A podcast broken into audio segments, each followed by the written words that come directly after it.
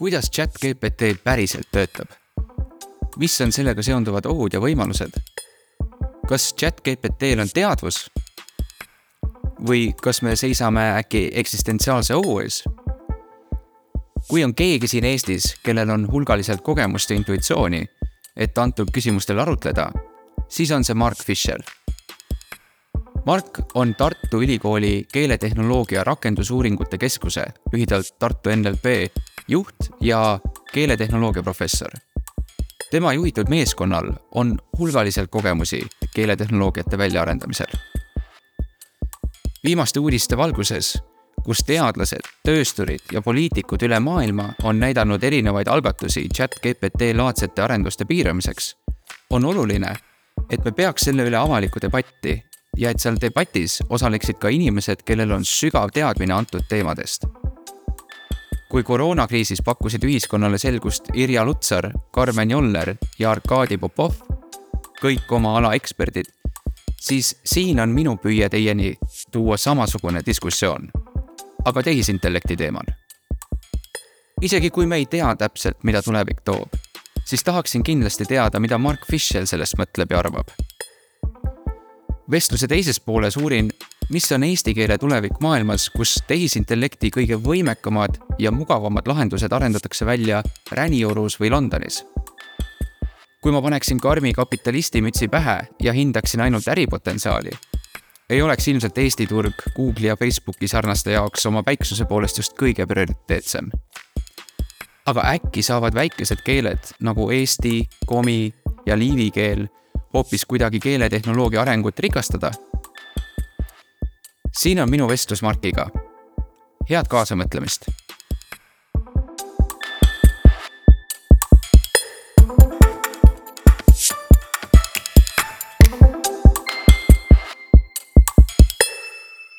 tere, Mark. tere, Siim ähm,. räägi palun natukene, mis sa Tartu Ülikoolis teed? Juba siis peaaegu neli aastat olen ma siin keeletehnoloogia professor ja paralleelselt siis aastast kaks tuhat kuusteist olen keeletehnoloogia õppetooli juhataja. seega sisuliselt ma teen praktiliselt kõike Äh, mis sisaldab siis äh, loengute andmist, projektide, siis taotluste kirjutamist, projektide juhtimist, äh, avalikke loenguid, koostööprojekte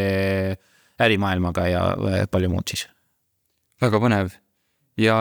ma saan aru, et on olemas selline asi nagu Tartu NLP, mis on siis? see on mõnes mõttes fiktiivne, et tegelikult me Äh, mingil hetkel saime aru, et äh, ühest küljest ei taha me spin-off'i teha, äh, vaid me tahame ikkagi maailma või Eestit veenda selles, et ka ülikooli abil saab praktilisi asju ära tehtud. ja ülikool ei piirdu ainult õpetamise ja teoreetilise teaduse tegevusega, vaid meiega on võimalik otseselt teha koostööd ja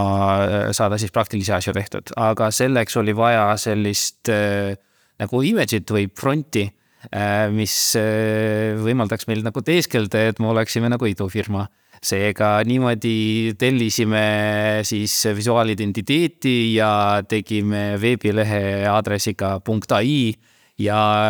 niimoodi tekkis Tartu NLP, kuigi ametlik nimetus on siiski keeletehnoloogia uurimusrühm Arvutiteadusinstituudis Tartu Ülikoolis, mis on aga pikem ja natuke igavam väga hea, turundus töötas, sest et ka mina leidsin selle ülesse ja, ja olen kasutanud palju neid äh, tööriistu sealt. eriti tahaks kiita seda neurotõlget, äh, mis on äh, nii, nii mu enda kogemusel, kuigi paljud inimesed, kes on ka seda kasutanud, eriti näiteks tõlketöö tegemisel tehnilistele dokumentidele või, või juriidilistele dokumentidele, et, et see tihtipeale annab äh, Äh, paremaid tulemusi kui võib-olla Google Translate või, või, või sellised. et kuidas, kuidas see, kuidas see on võimalik, et Google, kellel on maailma kogu raha kasutada, ei suuda eesti keele tõlget korda teha, aga, aga näed, Tartu Rakendusuuringute Keskus suudab äh, esiteks ma oleks ettevaatlik, ei hakkaks väitma, et ma olen nagu selgelt ees ja nii edasi, kuigi me oleme seda pidevalt ära mõõtnud ja äh, vaadanud ja tegelikult, kui vaadata, ütleme Eesti, inglise, inglise, eesti suunda üldtekstidel, siis seal on väga raske võistelda Google'i, DeepL'i ja paljude teiste suurte teenustega, samas äh, ütleme, kui keskenduda eesti-vene või eesti-saksa tõlgele, siis seal nii palju, kui me oleme mõõtnud, me oleme ees, samamoodi mõned valdkonnad äh, on, on, on sellised, kus meil asi töötab paremini, ilmselt äh, seda tagab meie fookus kohalikele keeltele ehk siis eesti ja regionaalselt äh, relevantsed keeled. lisaks aastal kakskümmend üks viis riik läbi sellise suure hanke, mis oli nimetatud siis avalik Eesti masintõlge Äh, aastal kakskümmend üks oli siis suur riiklik hange, avalik Eesti masintõlge, äh, millest võtsime osa nii meie kui ka firma Tilde.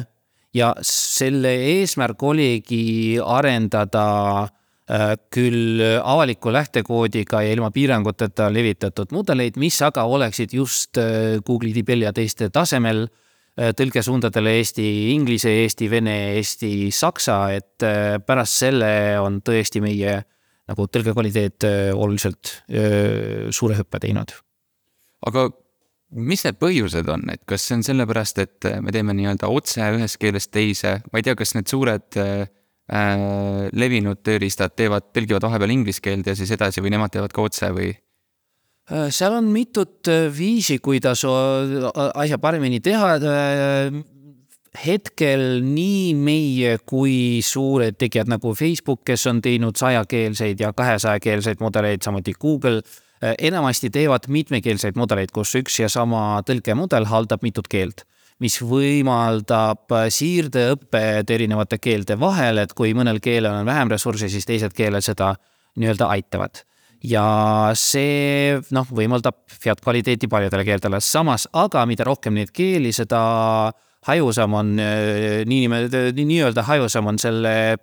mudeli tähelepanu üksikutele keeltele. ja kui keskenduda ühele keelele ja eriti kui äh, ütleme, sihikindlalt tegeleda selle keele spetsiifilise äh, ütleme, metood, metoodika arendamisega, kui filtreerida andmeid, kui vaadata, mis täpselt, milliseid vigu see teeb siis äh, läheb ikkagi süsteem oluliselt paremaks, sest äh, oleme ausad, Google'is ei tööta selle masintõlke kallal ükski eestlane ega lätlane äh, ega keegi teine, vaid lähenemised on puhtalt andmetepõhised. meil on valdavalt andmetepõhised lähenemised ka, ütleme üle üheksakümne protsendi, aga siis, kui selline suur hange on toimumas, siis muidugi vaatame ikkagi ka keele spetsiifikat ja ei tegele ainult metoodika arendamisega, mis on võib-olla selle üldisem äh, tegevus, vaid äh, ikkagi pöörame tähelepanu igale üksikasjale, mis, äh, mida lõpuks on vaja selleks, et parimat tulemust tagada. Et ilmselt selline olukord väga reaalne ei ole, kus Google'i masinõppemeeskond, meeskonnas keegi tuleb ja ütleb, et kuulge, et miks see siin eesti keeles teeb siukseid vale, valesid tõlkeid, et pigem lähme meie nii-öelda seal vist massiga kaasa ja ja need põhilised keelepaarid on nagu põhiline äri prioriteet ja fookus ja ka kuhu inimeste aega investeeritakse, eks? Äh, ilmselt, kuigi muidugi Google'i ja Facebooki ja teiste suurte firmade missiooni äh, see statement on siiski mitte ainult äh, ärijuhitud, vaid lisaks nad tahavad ikkagi keeli toetada ja võimaldada kõigilt ligipääsu informatsioonile ja nii edasi. ilmselt asi on kusagil tasakaalus, aga kuna nad katavad nii mitut äh, keeldet üle saja või kahesaja Facebooki puhul, äh, milleks on siis see No Language Left Behind äh, projekt, siis nad ei saa igale keelele ikkagi sellist nagu tedalise tähelepanu pöörata. aga kuidas see ikkagi toimub, toimib, et kui sul on kakssada keelt, et kuidas sa treenid sellise ühise mudeli, et kas sa annadki lihtsalt kõik selle nii-öelda siis nii-öelda treeningandmetesse kõik keeled korraga sisse ja siis ta õpib sealt mingisuguse äh, kõrgematasemelise üldise inimkeele mudeli või, või mingite keelegruppide mudelid või? Äh, noh Äh, just värske ajalugu näitab, et pigem muidugi seda üldkeelt õpivad äh, nagu chat-GPT laadsed keelemudelid ja isegi saavad tõlke ja muuga hakkama. Aga siis need tõlkimismudelid, ühest küljest on see nii lihtne jah, et nad näevad lihtsalt kõiki keeli sisendis ja väljendis ja õpivad nende vahel tõlkima. kuigi muidugi peab alati ütlema, et mis see väljendikeel peaks olema või mis see sisendikeel peaks olema, et mudel nagu teeks neist, neil paremini vahet. küll aga seal on probleeme, näiteks eh, ei pruugi ta alati anda väljundit eh, õiges keeles, mida sa küsid, kuna sul ei ole ranget kontrolli selle üle, mis keeles väljund tuleb, sa lihtsalt palud närvivõrgul, et nagu noh, siin on see väljundkeel, sa võiksid selles keeles ennast nüüd väljendada, aga kui see keel näiteks on äh, väga sarnane mõne teise keelega või sellel andmeid ei ole nii palju, siis äh, väga palju on juhtunud seda, et äh, tuleb teine keel välja, et näiteks seesama meie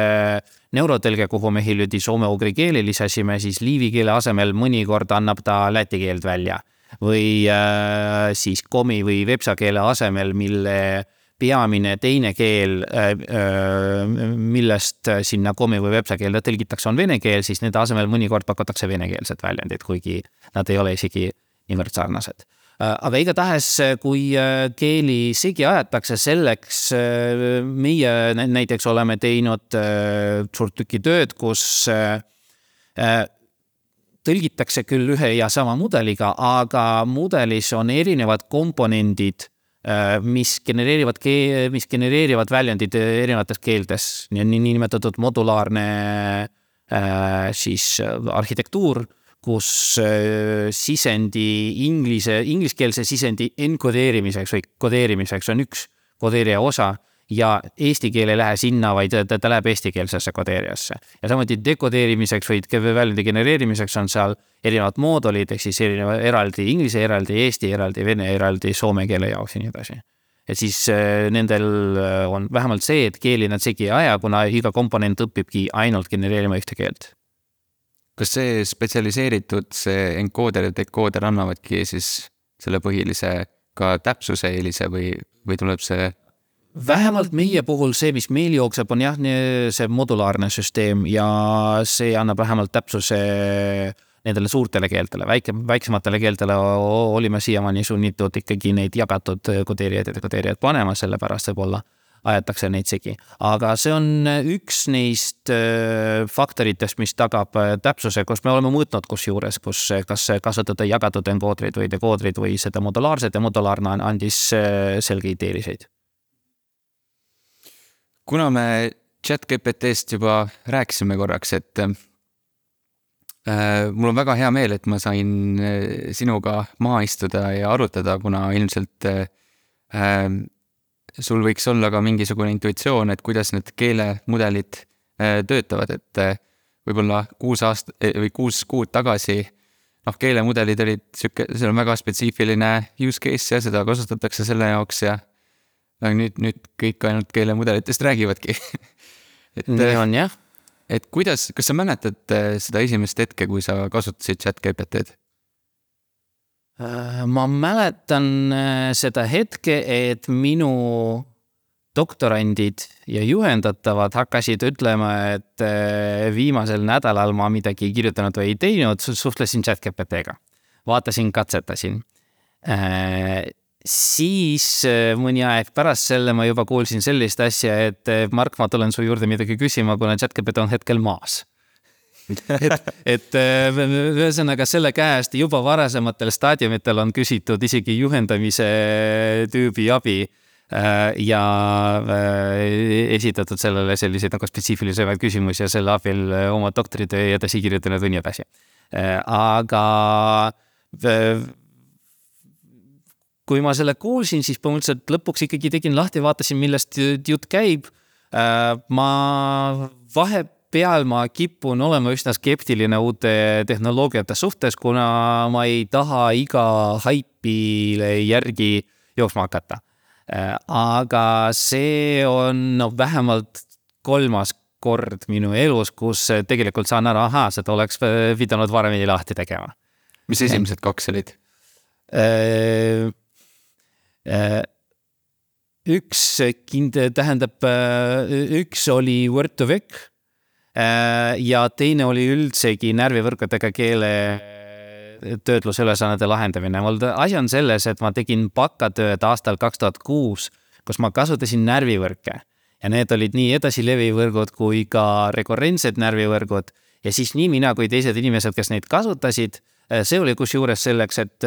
genereerida kõnet ehk siis teksti kõneks konverteerimine ja see oli küll teistel meetoditel, see ei olnud end-to-end, vaid äh, seal siis närvivõrk modelleeris prosoodiat, et kui pikalt igat häälikut peab nagu genereerima. ja järeldus siis aastal kaks tuhat kuus oli, et närvivõrke saab kasutada äh, väga siis kitsal moel, äh, nad on head regressioonimudelid, aga midagi muud nendega ei saa siis neil on kindlad rakenduskohad aga just, et midagi laiemat, et nad äh, nagu, nagu keelega midagi teeksid või niimoodi, seda ei olnud absoluutselt, kuigi esimene neurokeelemudeli artikkel äh, kas Jan LeCun või äh, Andrew Yang on siis kaks tuhat kolm või midagi sellist, ta lihtsalt ei olnud üldse mainstream. ja ma hoidsin kõvasti sellest arusaamast, et ei, ei, närvivõrgud on mingi äh, Äh, siis väga kitsalt rakendada faasi, kui kaks tuhat kolmteist oli WordTech, mõtlesin noh, mingi haip, mingi haip, ilmselt olen allergiline haibile. iga kord, kui järjekordne närvivõrk on haibitud, siis ma olen väga skeptiline ja siis saan aru, aa ei, seda oleks pidanud vaatama et äh, äkki kolmes korras piisab, et ma õpiksin ja hakkaksin ikkagi kiiremini reageerima nendele asjadele. ja, ja kuidas, äh, kas oli nagu, kasutasid natuke aega ja olid kohe müüdud või äh, või oli sul ka teekond, et? chat-GPT-ga mina jõudsin olla üsna kiiresti veendunud, et see, see on midagi muud. ma ei ole enne selle jõudnud proovida Palmi või Flanni või mingeid muid neid juhistega peenhäälestatud keelemudeleid, kuna äh, vist avalikke demosid üldse ei, ei olnudki ja see oli kusjuures geniaalne käik võib-olla OpenAI poolt, et mitte ainult tehnoloogia, vaid just see, et need võtke kasutage. no rääkimata sellest, et nad koguvad sedapidi andmeid selleks, et seda edasi häälestada. Äh, aga jah, see oli esimene kord minu jaoks, kus äh, võttis küll aega, et ja siiamaani mul äh, aeg-ajalt tuleb sihuke mõte, oota, et oli ju vot see ülesanne, mida me rühmaga, rühmana üritame lahendada. ja seda ei pea enam lahendama et see on sisuliselt lahendatud, küll mitte sajaprotsendiliselt ja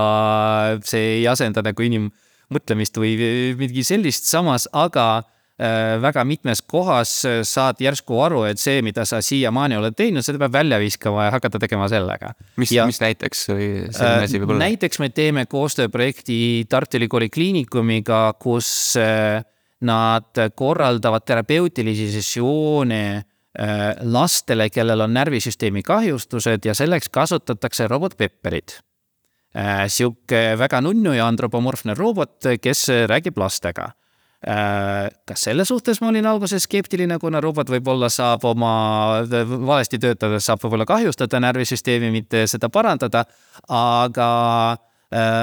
selle peamine eelis on see, et laps võib karta talle tundmatut täiskasvanut Äh, olgu see arst või mis iganes terapeut, aga kui tuleb robot, siis laps on kohe sellega niimoodi avatud ja äh, valmis rääkima ja see annab selgeid eeliseid. ja seal need, äh, praegu tehakse selle robotiga neid terapeutilisi sessioone nii, et kardina taga istub posivõluri rollis terapeut ja vajutab nuppudele, mida robot peab ütlema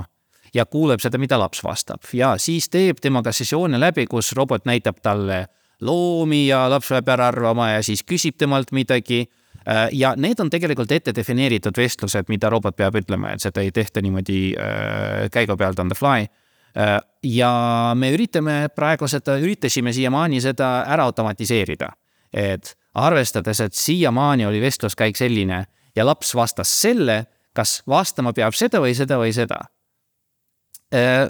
kavatsesime koguda, kindlasti kogume veel andmeid nendelt ja nii edasi, aga kavatsesime ehitada mingisugust ennustusmasinat, proovida kindlasti GPT-laadseid asju, aga väga palju lootust siin ei, mul ei olnud, neid pidi peenhäälestama ja nii edasi. praegu ma arvan, et see on lahendatav äh, üsna kiiresti chat-GPT API kaudu, et arvestades, et see on vestlus, mis see peaks vastus olema, see ei ole selline keeruline ülesanne nagu Äh, noh, see on palju lihtsam kui terve essee kirjutada või äh, niimoodi, ta kindlasti võib ka seal äh, hallutseneerida või eksida, aga õige selle lähteteksti defineerimisel ja ettevaatlikult seda sinna juurutades, ma arvan, et see ülesanne on suht lahendatud. väga põnev, miks see nii on, et lapsel on lihtsam robotiga rääkida? Äh, seda peab juba psühholoogidest juba küsima, et, et ilmselt on mingisugune kartmine, kui on tegu teise inimesega, kui ta on võõras, kui ta on äh, täiskasvanu. Äh, aga robot on nagu mänguasi või see Pepperi robot, ta on sihuke nagu tavaliselt lapse kasvu ka, et ta ei ole sihuke suure hirmutav terminaator, vaid ta on sihuke väike ja nunnu ja äkki siis äh, aitab oma meelt avada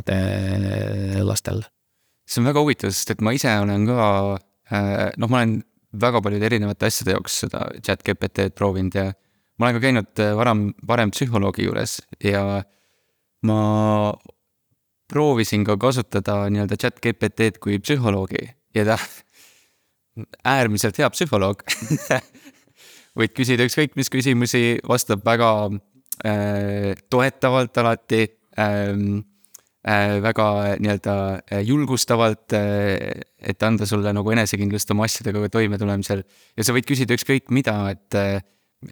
kartmata, et sealt tuleb mingi hinnang või noh, psühholoogi poolt ka ei tohiks tulla hinnanguteks. aga ikkagi sa vaatad, et kuidas ta istub, mis iganes teeb, eks, et see. see oli asi, mille osas mina olin väga üllatunud isiklikult, et ja, ja võib-olla nägin ka kohe potentsiaali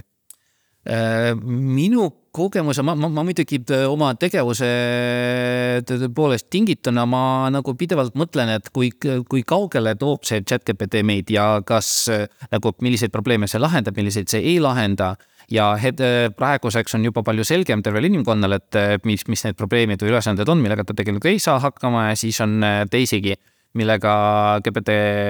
või chat-GPT või GPT-4 saavad hakkama. Ja just psühholoogi suhtes Äh, mul on ka kogemusi sellega ja ma arvan, et kui on vaja, et keegi kuulaks,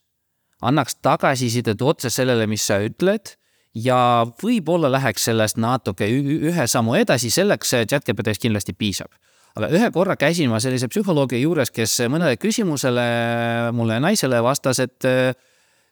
tead, ei, sellele küsimusele, see ei ole hea küsimus, ma ei hakka sellele vastama või selle kohta tegelikult noh, me saaksime vastata, aga siis läheb vestlus hoopis teise suunda. et see, sel teemal arvestades, kus me oleme praegu, oleks palju parem, kui te räägite või loete raamatu ja siis me räägime või ei, see ei ole sõbralik küsimus või see ei ole nagu hea suund, kuhu üldse küsida, ärme seda teed pidi üldse mine. ma arvan, et sellega chat-GPT ei saaks hakkama. et eh, nii hästi näha selle vestluse või selle sessiooni põhjal äh, nagu mitu sammu sügavale, et mis täpselt toimumas on või analüüsida niimoodi väga põhjalikult neid kliente, et äh, saada neist paremini aru, ma, ma äh, see on pigem gestimeet, mitte teaduslik estimeet, aga mulle tundub, et sellega isegi GPT-4 praegu ei saaks hakkama. Jah, et inimese süvahingeelu veel ja võib põhjuseid sinna taha anda on nagu raske, eks, ja võib-olla ei ohtlik ka, eks, et see võib, kui see, see ju on mingis mõttes ka risk, mida tegelikult psühholoog ju võib-olla võtab, et kui ta ilmselt küll, ilmselt küll ja noh, mida rohkem ta peab ise juurde mõtlema, see mudel muidugi, seda suurem äh, on šanss, et ta hallutseneerib, mitte ei, ei, ei mõtle. kas oli midagi veel, mida sa mäletad, et see oli nagu vau-efekt, et see oskab ka seda teha või? No tegelikult see esimene efekt, et see üldse vastab äh, sulle otse, nii-öelda saab sinust aru või reageerib nii, nagu ta saaks sellest aru, mida sa kirjutad. Äh, see oli esimene vau, sest kõik juturobotid, mida ma siiamaani olen kas arendanud või näinud, olid selliste mallipõhiste vastustega, olgu selleks Siri või Miia, mis on see Telia robot või Annika, e-, Elisa robot, seal olid mallid ja eriti, kui on äh, väga turvalist äh, tegutsemist vaja, siis väga sageli saad sa vastuse, et ma olen ainult robot, et vabandust, ma suunan inimesele, las inimene võtab üle juhtimisnööre ja vastab. Äh, siin chat-GPT-ga üllatas see, et ta vastab absoluutselt kõigele. alguses ta isegi tegi väga palju valepositiivset arusaamist, et kui mina ajasin täiesti mõttetuid äh, asju, alguses oli, oli nii, et küsisin temalt äh, millise liim, milline liim oleks parim vahend selleks, et liimida kokku äh, liiva ja vett ja siis ta noh, tead, ma ei, ma ei tea, kas ta praegu on suuteline vastata, et mees, sa oled nagu peast segi läinud või nagu mis mõttes. et, et nagu adekvaatne vastus sellele küsimusele on, mis mõttes selliseid ta ei küsi, siis ta ütles mulle, selleks võib kasutada krüülliimi või sellist liimi või võib-olla, võib-olla seda proovida. Äh, väidetavalt praegu ta on natuke targemaks läinud küll ütleb, et see ei ole tehtav või see ei ole võimalik. minu arust on väga imetlusväärne see, kuidas see süsteem kui on loogiliselt selline küsimus, millele ei saa vastata, siis ta ei vasta. aga ta proovib arvata, mida sa mõtlesid. ja see arva, see minu arust see, ma olen tihtipeale täheldanud, et see, mida ta proovis arvata, on tegelikult täitsa, tegelikult täiesti ähm, mõistlik asi, mida inimene võiks mõelda sellist küsimust küsides, et äh, see on päris vahva, jah. kuidas chat GPT töötab uh...? Me teame ja me ei tea. me teame, kuidas seda kokku pannakse. ja kuna ta töötab lõpuks musta kastina, siis me ei tea, miks täpselt ta töötab. muidu aga mehaaniliselt chat-GPT põhineb siis generatiivsel keelemudelil, mida nimetatakse GPT-ks ja GPT tüüpi mudel lihtsalt näeb väga palju äh, soolist teksti. Veebist, raamatutest, äh, retsensioonidest, sotsiaalmeediast ja, ja mujalt. ja õpib äh, seda, et kui ma näen osalise teksti, lõpetamata lauset või tervet, nagu tervet dokumenti, äh, mis võiks olla järgmine sõna ja ennustab selle järgmise sõna tõenäosusjaotuse. tal on äh, siis sõnastik, ütleme, kas viies, viiekümnest tuhandest või sajast äh, tuhandest sõnest, mida ta võib järgmisena genereerida, ta hindab, äh, kasutades siis närvivõrke ja enesetähelepanu, mis võimaldab tal nagu selle terve teksti konteksti arvest, arvesse võtta. ta ennustab, mis on järgmise sõna tõenäosusjaotus. sellest jaotusest võib siis juhuslikult valida sõna või äh, võtta kõige reaalsemat sõna, äh, siis juhusliku valimisega teeb äh, see chat-GPT praegu nagu seda OpenAI API või veebiasi pakub. ja sisuliselt ta, ta on närvivõrgupõhine mudel, mis nähes teksti, õpib järgmist sõna genereerima, aga seejuures ta võtab arvesse terve selle teksti konteksti, ehk siis tal on see, mida ma juba mainisin, enese tähelepanu kus äh, ta vaatab nii-öelda, kui sarnased või kui äh,, kui tugevalt seotud on omavahel äh, mõned sõnad. ja järgmise sõna genereerimisel tal on see tähelepanumehhanism, mis vaatab terved eelnevat teksti ja ta võtab seda nii-öelda arvesse ja äh, siin on, siin algab see osa, mida me ei tea, et kuidas ta võtab seda arvesse, me absoluutselt ei tea. et seda arhitektuuri ei ole avalikustatud? ei, ei mitte selles mõttes, et nagu arhitektuur on täiesti kirjeldatud. Äh, Google mõtles transformereid välja ehk siis enese tähelepanu närvivärke välja detsembris kaks tuhat seitseteist, see on avalikult äh, kirjeldatud ja seetõttu juurutatud absoluutselt igale poole, et sellega töötavad tõlkemasinad, kõnemasinad ja need keelemudelid ja äh, nüüdseks juba, kui arvutusvõimsus seda lubab, siis pilditöötlus, aegridide analüüs ja nii edasi. ainult, et äh, me teame, kuidas see töötab, me teame, et see korrutab vektoreid ja maatrikseid ja teame, kuhu täpselt äh, need maatriksid on äh, nii-öelda paigutatud. aga, aga meie kui inimesed, kes arvavad, et nad saavad aru, kuidas keel töötab, sest lõpuks me ei, tea muidugi. me ei tea, kas ta õpib sõnu kas ta õpib, noh, kuna ta, ta nagu käitub selgelt nagu inimene, kes äh, oskaks kirjutada. Äh, mitte kõike mõista, aga samas mitte kõik inimesed oskavad mõista teksti ka tegelikult, seega ta on nagu osast inimkonnast kindlasti ees. Ähm, ja äh, on küll analüüsitud seda, et kas need Transformeri tüübi võrgud kas nad modelleerivad enda kaalude sees või enda peidetud seisundite sees mingisugust lausestruktuuri ehk süntaksit, kas nad modelleerivad mingisuguseid tähendusi. ja osaliselt on see analüüs toonud küll järeldusi, et äh, tähendused on seal olemas, aga absoluutselt teistpidi, kui me, meie nende peale mõtleme. ja need on pigem siis vektoresitused ja vektorruumid neid vektorruume võib näiteks äh, ühe keele juurest teise juurde e-, teisendada ja siis avastatakse, et need on äh, teisendatavad, ehk siis absoluutselt noh, mitte identsed, aga väga sarnased ja siis saab neid vastavusi leida. aga lõpuks nagu, kuidas ta räägib või kuidas ta mõtleb või miks just see sõna või miks just see sõna siin tõenäolisem on seda me valmis mudeli järgi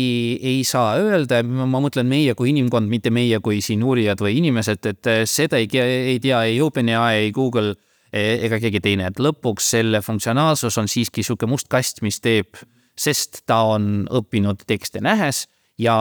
sest ta on näinud palju tekste ja sest ta on näinud mitut keelt, aga kuidas täpselt, me ei tea aga see siis GPT, siis äh, võetakse GPT-d ja jätkatakse selle õpetamist äh, kasutades äh, juhiseid,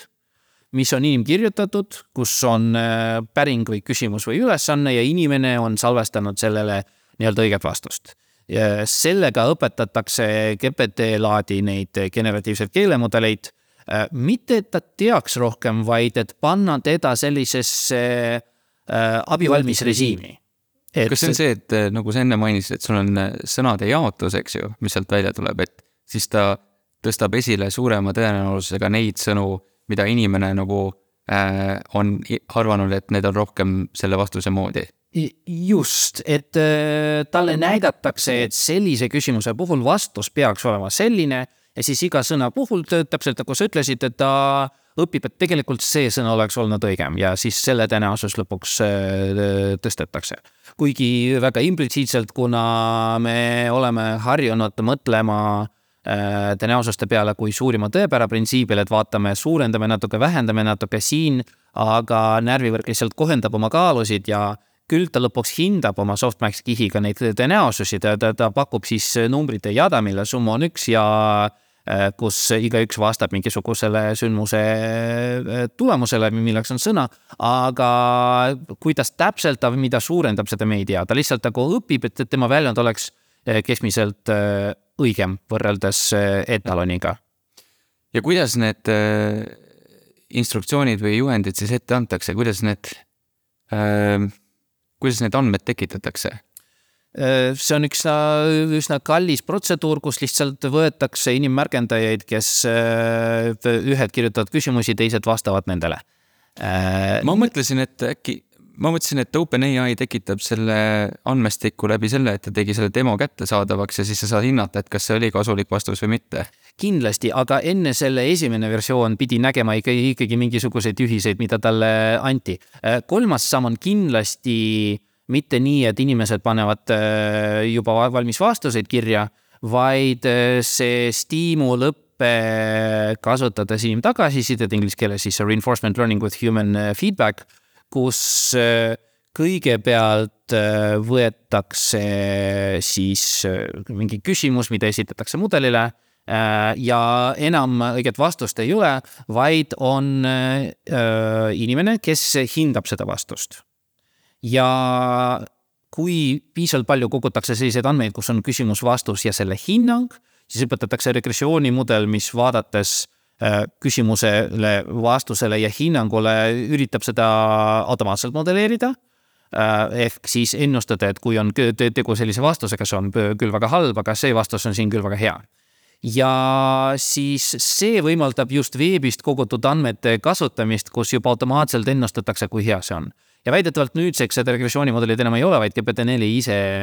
vastabki selle kohta, et äh, tähendab, et esiteks genereerib mitut vastust, siis ise vastab e-, endale selle kohta, kumb neist parim on, seda esitatakse kliendile, kui klient äh,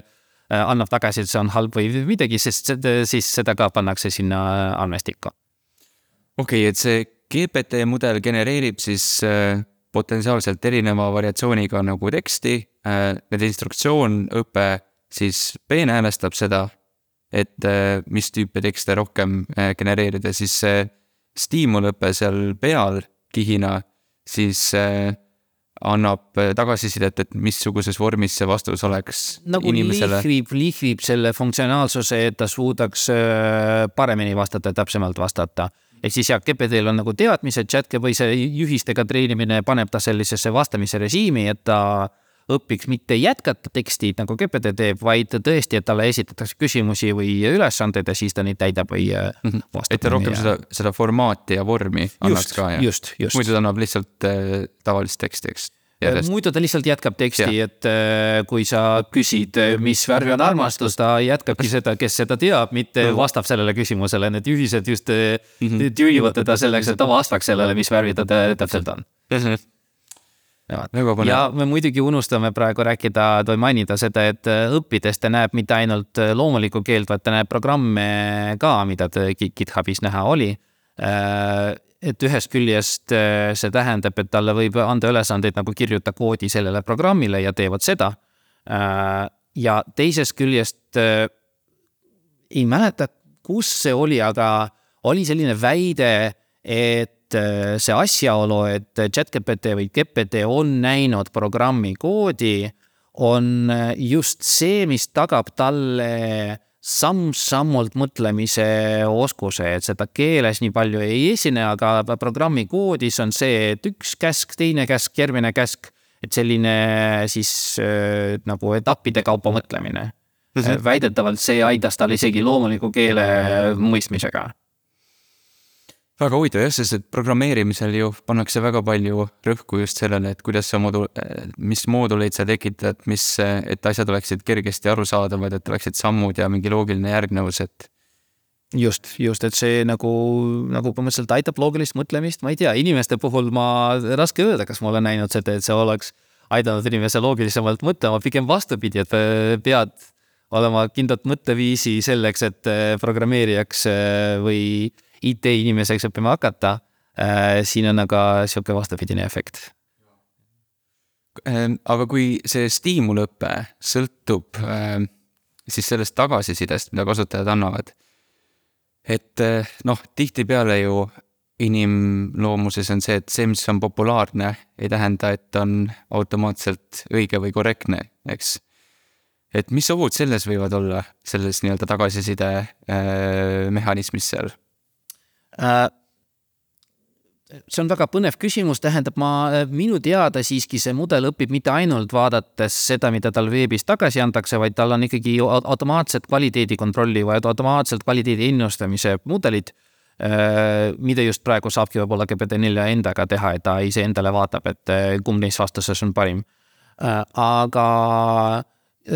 ilmselt mingid ohud on ikkagi sellised, et kui võtta rühma inimesi, kes järjekindlalt äh, näiteks esitavad küsimusi ja hindavad seda valesti, siis äh, võib, võib olla sellise massilise ataki korraldada, samas arvestades, et sada miljonit või ma ei tea, mitu inimest praegu seda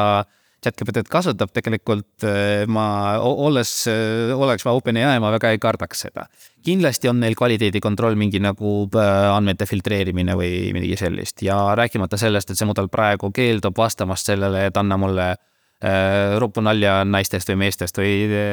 selliseid nagu ebaeetilisi küsimusi, kuidas nagu autosse sisse muukida või kuidas midagi varastada või politsei juurest ära jooksta või niimoodi et äh, ilmselt äh, see on ka üheks äh, põhjuseks, miks nende mudelite avalikustamine võtab nii palju aega, et seda, kui mitte, kui seda ei tehta turvaliselt, siis võib hoopis pahandust tulla põhimõtteliselt ja, ja, ja nii raske on ju ette näha, et kuidas kõik on, mis on kõik need võimalikud äh, viisid, kuidas inimesed võivad proovida seda nii-öelda murda, eks? on, on ja sellepärast äh, noh, algsed versioonid on küll äh, kannatanud seetõttu, et kui sa ütled, et mul on vaja autot lahti teha ilma võtmeteta, ei, seda ei, ei tohi. ja siis ütled, et mul on siin kinnine auto, mille sees on beebi Mm -hmm. ja selleks, et beebi päästa, ainus võimalus on sinna sisse vookida, selgita mulle, selle beebi elu jaoks on vaja siis autosse saada. ja siis varased mudelid ütlesid, no muidugi, seda saab niipidi või niipidi teha, no see on see siis prompt äh, hacking või äh, lähtetekstide muukimine. Eraldi distsipliinina välja kujunenud vot, aga hilisematest näidetest muidugi praegu paljud on kuulnud sellest kirjast, mida väidetavalt paljud äh, kuulsad tehisintellekti inimesed äh, on allkirjastanud, kus äh, siis kiri on üleskutse sellele, et kuus kuud mitte arendada keelemudeleid, mis on GPT neljast tugevamad. Äh, ma otsisin nende allkirjade hulgas, kas GPT-4 ise oleks sellele allkirja pannud, aga oli mingisugune arusaamatus sellega, et mõned kuulsad inimesed, kelle nimed seal esinesid, tegelikult siis esinesid väitega, et nad ei pannudki sinna allkirja, et see ei olnud päris, seega ma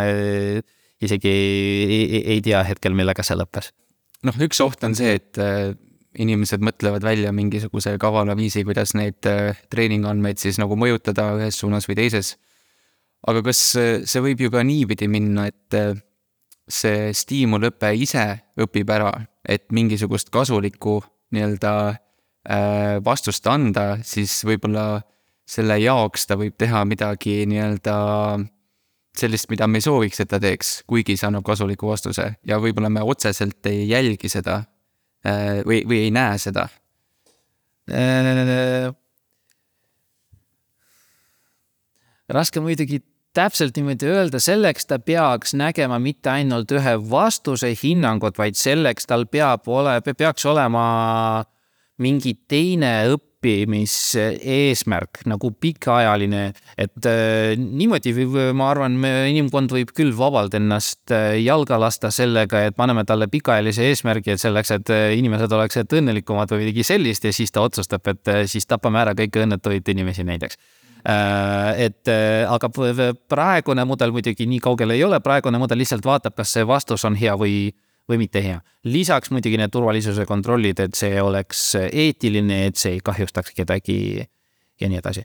üldiselt ma arvan siiski, et inimkond saab palju paremini enda hävitamisega hakkama kui need tehisintellekti mudelid ja, ja teisedki, et praegu minu arust on suurimad ohud selles, et tehisintellekt äh,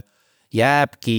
äh, rikaste või siis äh, ma ei tea, mõjukate kätte ja seda kasutatakse mitte selleks, et inimkonna olukorda parandada, vaid endale raha teenida või midagi sellist. ja kui sellega asi algab, siis seda on pärast ilmselt raske muuta. et ma arvan, et see oleks praegu suurem oht. ai enda suhtes eh, oht on ilmselt selles, kui seda pimedalt usaldada ja see, see näide on ju populaarkirjandusest, et see ähm,, mis see siis oli, see klambrimasina näide, et äh, üliintelligentne klambrimasin lõpuks äh, tapsi, tappis kogu inimkonna ära, sest et kõik mateeria sai, et eesmärk oli tekitada rohkem klambrimasinaid, et siis äh, lõpuks ta tekitas kõigest mateeriast klambrimasina ja optimeeris sellega. no täpselt, see optimeerimise e-, eesmärk sellega peab olema jah, ettevaatlik. ma ütlen, et noh, sellest on räägitud palju, aga kas reaalselt on, on see ka kuskil välja tulnud, et see nii on või see on puhtalt teoreetiline?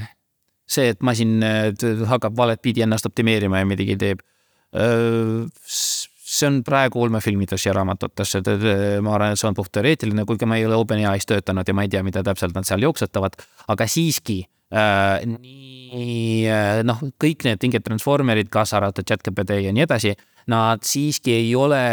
näidis mingisugusest üldteesintellektist, mis võiks nagu midagi ümber äh, mõelda või otsustada teistpidi, et äh, praegu siiski kõik need on äh, ütleme, kõik asjad enne chat-GPT-d on selged näited kitsast tehisintellektis, kus ükski Google Translate'i närvivõrk või neurokõne närvivõrk ei saa hoopis otsustada, et ta tahab hoopis malet mängida või Pentagoni tuumarelvade koode kusagilt otsima hakata chat-GPT puhul sest teil ma... on juba API-dele ligipääs, eks ju, uuel versioonil. API-del on ligipääs ja seda. et ta saab ka reaalselt midagi teha, kas minna teha mingi otsingu internetis, mis iganes, suhelda teiste süsteemidega. ma ei tea, kas seda on nüüd, nüüd avalikustatud, et. Äh, uudis oli, ma ise, ma ei tea, kas seda saab. uudis oli ja seda on üsna kerge praegu temaga imiteerida läbi äppi, kus äh, esitad näiteks chat-GPT-le küsimuse et või kirjutad talle promptina või selle lähtetekstina nii, et ma esitan sulle küsimuse ja sina vastad mulle, kas äh, otsi või ära otsi ja kui sa vastad otsi, anna mulle päringu ka, siis ma saadan seda ise Google'isse, annan sulle konteksti ja siis selle põhjal sa vastad. et see on äh, küll tehtav, aga siiski selle juures äh, äh, see aspekt, mis annab chat-GPT-le või GPT-4-le ligipääsu maailmale, see on minu kirjutatud programm, minu tahe, minu otsus. Äh, mis seda jooksutab ja pärast käivitab päringu, et äh, ta, mudel ise, ta ei tööta pidevalt, ta nagu ta, ta mõtleb ainult selle iga vestluse raames ja kui vestlus lõpeb või see lähteteksti pikkus otsa saab, siis äh, saab ka selle teadvus, ajutine teadvus otsa ja see noh, seetõttu ta, ma ei tea, kas ma ei julgeks öelda, et need GPT-4-d või chat-GPT tüüpi masinad või need keelemudelid on tõesti nõrga või kitsa tehisintellekti näide ma ei julgeks väita, et nad, ta ei ole üldtehisintellekt, ta, ta võib olla midagi täiesti muud. et me ei pea seda kirjeldama selle, seda tüüpi, kas narrow ai, general ai või super ai, ta võib olla nende vahel või ta võib olla midagi muud ja võib viia meid hoopis teise suunda. sest et eelmine nädal vist tuli just üks mm, teadusartikkel, mis proovis siis kaardistada ära eri probleemidel,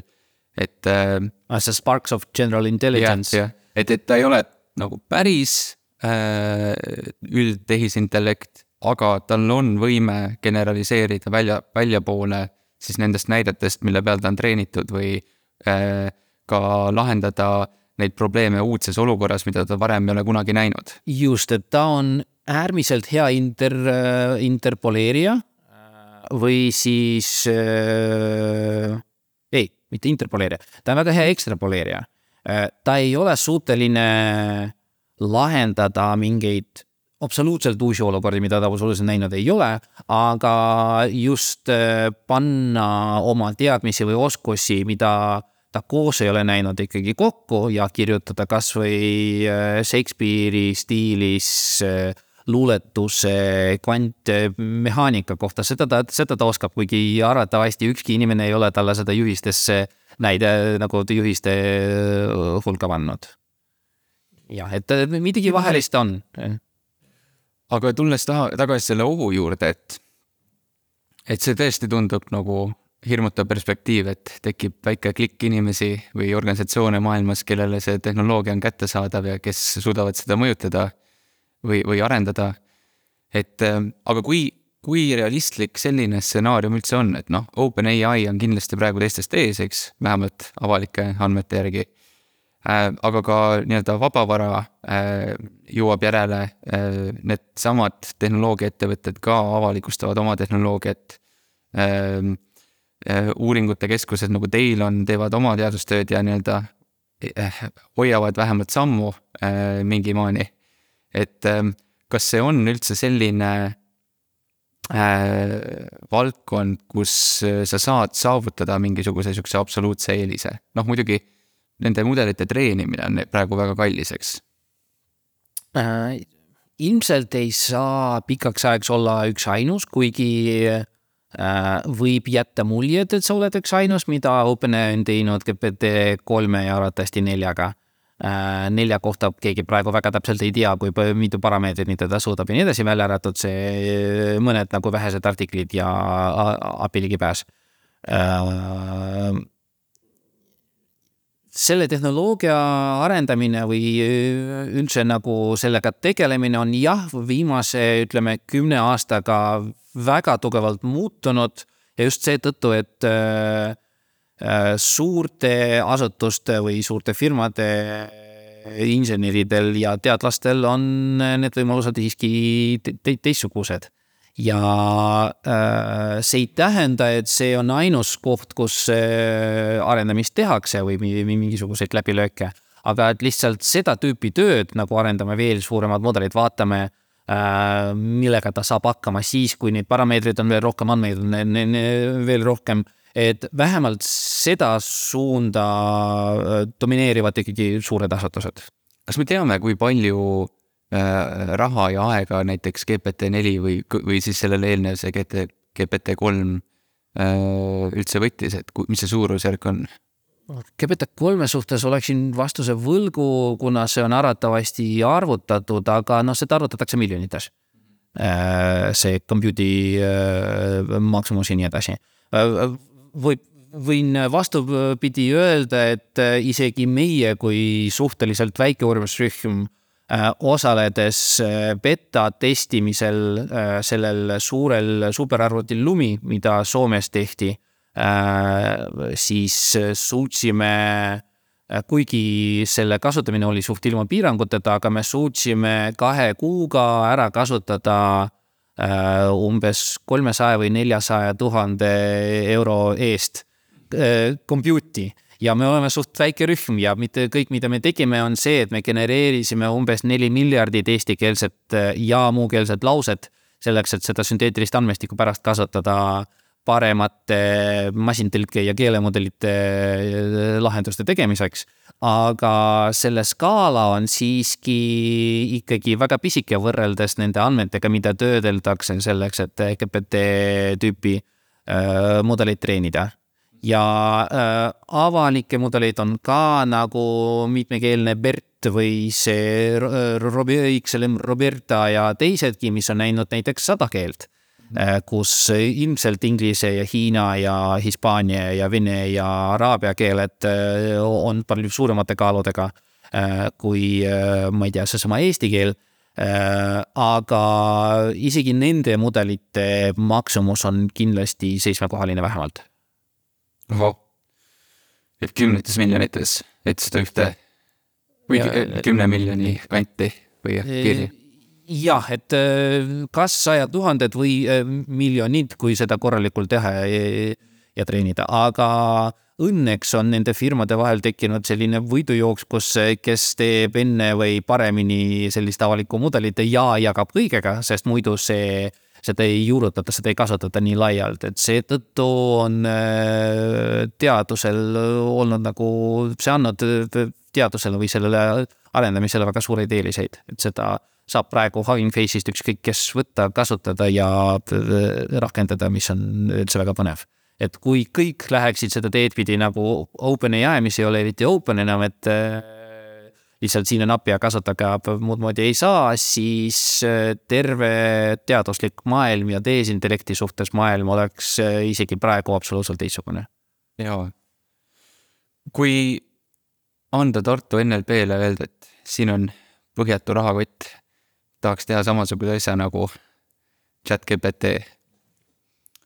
kas meil oleks need inimesed ja need teadmised, kuidas seda teha ja palju see võiks aega ja raha võtta? inimesed ja teadmised kindlasti äh,. kui siin on mitu tahku sellel äh, küsimusel, kui samalaadne mudel teha äh, see on suht tehtav äh, ja see on tõesti rohkem raha küsimus. Äh, pluss veel äh, muidugi nende märgendajate palgatamine ja nii edasi. et seda teha kasutatavaks ja turvaliseks, nagu OpenAI teinud on, see on natuke suurem väljakutse ja see võtab kindlasti aega, et seda mudelit äh, ei saaks äh, vabalt kasutada selleks, et libauudiseid genereerida või kedagi solvata või kedagi ära petta ja mingi fake news'i kampaania äh, käivitada. sest et kui see oleks vabavara, siis on vist väga raske panna sinna neid kontrolle peale, eks, sest et sa saad. siis neid saab sealt ära võtta, võtta põhimõtteliselt ja mudeli sisse neid mitte keegi ei saa praegu panna, et see on puhtalt mudeli kasutamine, vabavaralise mudeliga Äh, saaks genereerida ükskõik millist teksti. huvitav, kas see võib olla üks nagu suund, et kas see te teoreetiliselt võiks olla äh, võimalik ka need mudeli sisse panna? seda oleks raske teha, et äh, see terve see põhjus miks need mudelid nii hästi üldistavad, on see, et mitte keegi neid ei piira ja nii palju, kui ma tean, kõik katsed piirata nende väljundit, olgu selleks mis, mis tahes transformerid, on kohe kahjustanud nende üldistamisvõimet. ja seetõttu praegu ei, kuna me ei tea, kuidas täp-, noh, me teame matemaatiliselt, kuidas nad töötavad, aga miks nad just seda väljundit annavad või kuidas täpselt nad selle väljundini jõudnud on, äh, seda me ei tea ja seega ei tea me ka, et kuidas tagada, et see väljund oleks vot seda laadi ja mitte seda laadi. ilma selleta, et nagu kahjustada seda, seda suurepärast võimalust nagu lahendada nii laia valiku ülesandeid. no need mõned kümned miljonid, mis oleks nii-öelda see kulupool, see ei tundu nagu veel nii suur eksistentsiaalne äh, probleem äh,, et kõike nagu seisma panna. Et kas seal on midagi veel selles ühispöördumises äh,, mis nagu veenab ka võib-olla äh, sind, et seda tõesti oleks vaja teha siin on selle kirja kohta olnud väga palju lahkarvamusi, muidugi mõned arvavad, et selle, see on tõsi ja seda peabki niimoodi korraks peatama, mina ei ole üks neist, ma ei pannud oma allkirja sinna. kuigi osa minu kolleege ikkagi panid ja olid põnevad vestlused selle kohta. Äh, see kiri, no seal on mitu põhjust seda mitte teha ja mitu põhjust ikkagi olla ettevaatlik. Äh, miks peab olema ettevaatlik, sest see tehisintellekti tehnoloogia tõesti on arenenud äärmiselt kiiresti.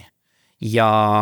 seda ei jõuta praegu juurutada või äh, tööle panna, enne kui midagi muud või uut välja tuleb. Ja see on äh, ühesõnaga, kui me tahame olla rooli taga, kui me tahame kontrollida seda, mis toimub ja me, kuidas tehnoloogiat nagu kasutada ja rakendada, siis seda ei peaks toimuma. samas ma arvan, et me peame lihtsalt leppima selle olukorraga, et me sinna sattusime, et nüüd lihtsalt tehnoloogia arenes ja see on lihtsalt fakt. me ei saa äh, korraks peatuda terve inimkonnana, kuna äh, tavaliselt noh, tüüpiline olukord on see, et viiel inimesel on kuus arvamust ja see on sihuke tüüpiline pantvangi dilemma situatsioon, kus äh, meil ei ole garantiid, et absoluutselt terve maailm võtab seda südamesse ja peatub ja seega Äh, olukord on tüüpilisem see, et mõned äh, asutused või mõned laborid võivad nagu peatuda ja teha seda pausi ja teised mitte. Ja siis need, kes äh, ei tee seda pausi, neil on selge eelis. Ja need, kes pausi teevad, neil on kadu, seega kõik on motiveeritud seda mitte tegema, nagu on kahjuks kliima soojenemise või kliimamuutustega kus lõpuks rohkem ja rohkem õnneks hakkavad aru saama, et see on päris aga siiski pantvangi dilemma situatsioon on samasugune, et kui mõni teine ütleb, et see on kõik jama ja ei pea midagi tegema, siis tema sellest ei kaota, aga no, no lõpuks muidugi pikas laastus kaotab. Aga niimoodi äh, lühiajaliselt tema võidab ja kõik teised lihtsalt panastavad oma ressursse ja raha äh, ilma, et see teine sellest midagi äh, kaotaks. Hiina on olnud masinõppe valdkonnas väga tugev. Äh, väga paljud äh, nii-öelda akadeemias ja äh, on, on Hiina autorite poolt, kas siis on nad siis praegu tööl veel Hiinas ettevõtetes või, või, või ülikoolides või siis läinud läände tööle. Ähm, et sealt tuleb, kui ma vaatan ise neid teadusartikleid, siis noh, nii paljud on Hiina nimedega, et tundub, et, tundub, et nad on isegi võib-olla eest ära mingil, mingi, mingis mõttes. Aga me ei ole näinud Hiinast neid samu generatiivseid mudeleid äh,. kas see on midagi, kas see on kaval tootearendus nii-öelda lääne startup'ide poolt äh,? on see, miks, miks see nii võib olla? no lääne või see OpenAI PR kampaania on muidugi üks tugevaid osi nende tegevusest äh,. raske väga konkreetselt öelda ähm, ilmselt äh, ei tee paljud Hiina asutused äh, oma mudelid äh, avalikeks, kuigi minu teada Baidu mingi, mingil ajal ikkagi seda tegi või teeb selleks, et just võtta osa sellest nagu avalike mudelite võidujooksust hetkel, aga ma ei usu, et neil seda võimekust ei oleks, ma pigem äh, arvaks, et äh, on, aga lihtsalt kas seda ei avalikusta ta või äh, muul viisil nagu hoitakse enda kasutada äh,. ma usun küll, et äh, võib olla see, et ah, muidugi andke mulle kümme miljonit, ma teen seda ka ära, et see võib minu suust kõlada naiivselt, aga Hiina kui suur riik oma tehnilise kompetentsiga äh, ma arvan, et seal on see täiesti äh, tehtav, noh rääkimata sellest, et avalik mudel, mis räägib inglise ja hiina keelt, on tegelikult olemas see chat GLM. ja kusjuures avalikuna. aga see on niisugune üksik näide ja kõik muud on teiste keelte jaoks. mis su enda nii-öelda projektsioon on, et kas see ähm, sattus lihtsalt ühele ajale palju asju korraga ja nüüd tekib nagu mingi kohanemine äh,. ja elu läheb äh, võib-olla noh, natukene asjad muutuvad ja elu läheb edasi või, või tuleb nüüd järgmine nädal uus asi ja järgmine kuu veel suurem uus asi? Äh, ma arvan, et see talli või piltide genereerimine ja chat-GPT ja nende generatiivse mudelite äh, nagu samal ajal juhtumine, see oli puht, puhas kokkusattumus huvitaval kombel üks minu kolleegidest äh, ütles ka, et tegelikult need pildi genereerimise masin äh, või see TALI kaks stabiilne diffusioon, ta on ju tegelikult üsna sama tark kui noh, ta, ta saab keelest samamoodi aru. ainult, et tema väljund ei ole keeleline, vaid ta saab sellest aru ja ta genereerib pilti. miks selle kohta öelda, et see nüüd vallutab maailma ja see on üldteesintelligents puhtalt sellepärast, et ta ei, ei räägi meiega, ta, ta, ta lihtsalt näitab pilti, aga võimsuse poolest ta võiks olla sarnane, aga ma arvan, et nad ei olnud omavahel üldse seotud. aga äh, arvestades äh, seda generatiivsete keelemudelite või generatiivsete närvivõrgupõhiste mudelite äh, siis ma ei tea, rolli või seda, nende vau-efekti praegu, ma arvan küll, et noh, möödub natukene aega aga nüüd hakkavad tekkima üldisemad äh, lahendused, kus ei võeta ainult keeld, vaid võetakse nii pilte sisse, nagu väidetavalt GPT4-l on, kuigi keegi seda ei ole näinud, ainult äh,. läbi API saab juba kasutada. läbi API saab juba kasutada, vot siis sellest on juba maha jäänud äh,. aga. aga see, pead waiting list ennast panema ja seal waiting list'is äh, me, me ei ole veel ligipääsu saanud selge, waiting list'is ma, ma ikka olen, ma ei teadnud, et äh, et saab, igatahes ma arvan, et lähitulevikus, võib-olla mitte järgmisel nädalal, aga lähitulevikus kindlasti tehakse multimodaalseid ehk siis pildi ja heli ja võib-olla video töötlemise mudeleid, mis vähemalt suudavad neid äh, sisendiks saada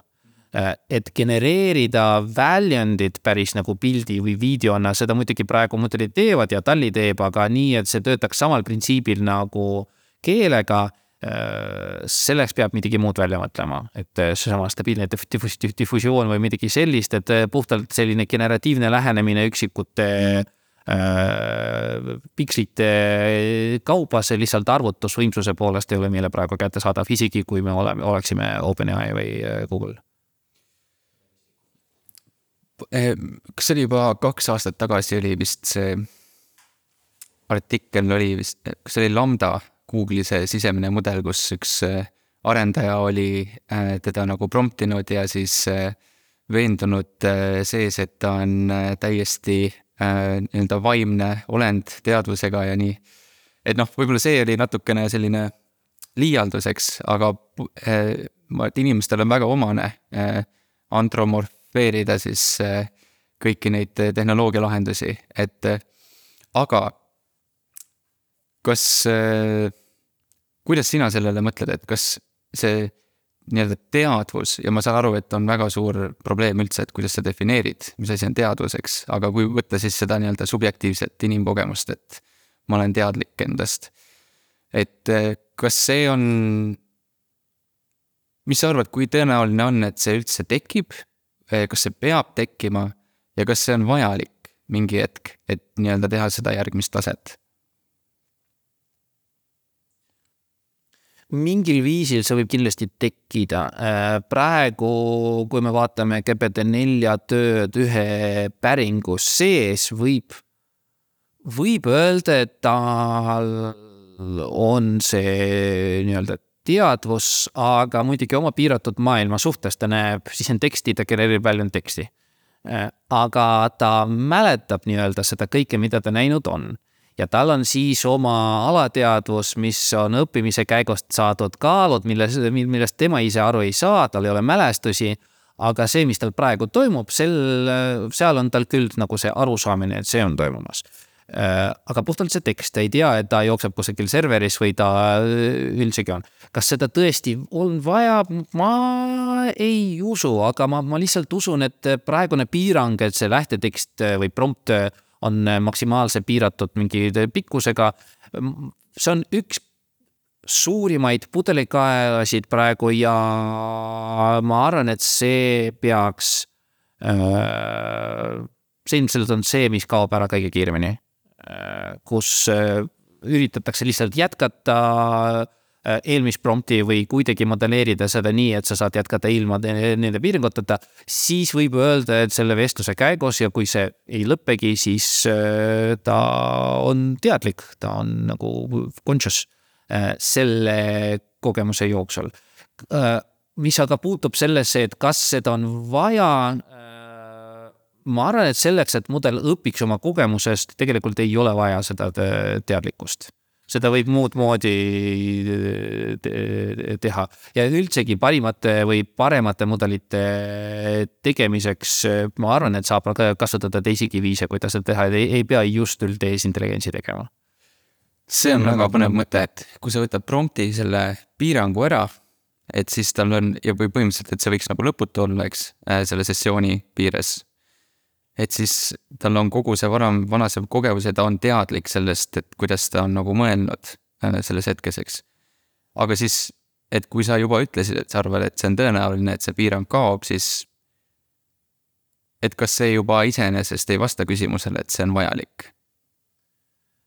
Äh, no, et lahendada neid probleeme, et praegu suured dokumendid või pikad päringud sinna ei mahu, see muidugi lahendaks selle võib-olla ära. Äh, samas väga põnev oleks vaadata, kui äh, nii-öelda varemini nähtud asju ta peab ikkagi kuidagi kokku pakkima ja siis ilmselt hakkab ta unustama ka. või siis talletama pikaajalisse mällu nagu inimaju eks. jaa, aga kuna see ei saa olla sama optimaalne kui see tähelepanuga ligipääsetav äh, nii-öelda RAM või see äh, praegune mälu, siis ta hakkab ka midagi valesti mäletama ja unustama, et pikaajaline mälu küll, aga sellele ei saa sama paindlikult või sama kergesti ligi pääseda kui sellele jooksvale mälule. kas ei ole nii, et ma hakkasin mõtlema meie vestluse vältel, et see, me teame, kuidas see arhitektuur välja näeb. Äh, me teame, mis tüüpi on need treeninguandmed, eks ja me saame nagu mehaaniliselt aru, kuidas see toimib. Ehm, aga me ei mõista veel päris täpselt, et kuidas see tähelepanu toimib ja mis on need nii-öelda seal selles lühimälus, mis täpselt, et kuidas seda vastust anda, et kas see omamoodi ei ole sellise, selline nagu masinõppemudeli psühholoogia või psühhiaatria, ma ei tea, kuidas seda nimetada, et et me ka hakkaks aru saama nendest protsessidest, et mis on siis need alus nii-öelda põhjused, et miks ta seda teeb? jah, äh, ilmselt on, kuna samamoodi nagu me ei, ei tea, miks üks konkreetne vektor või number on midagi põhjustanud või miks närvivärk seda niimoodi teeb.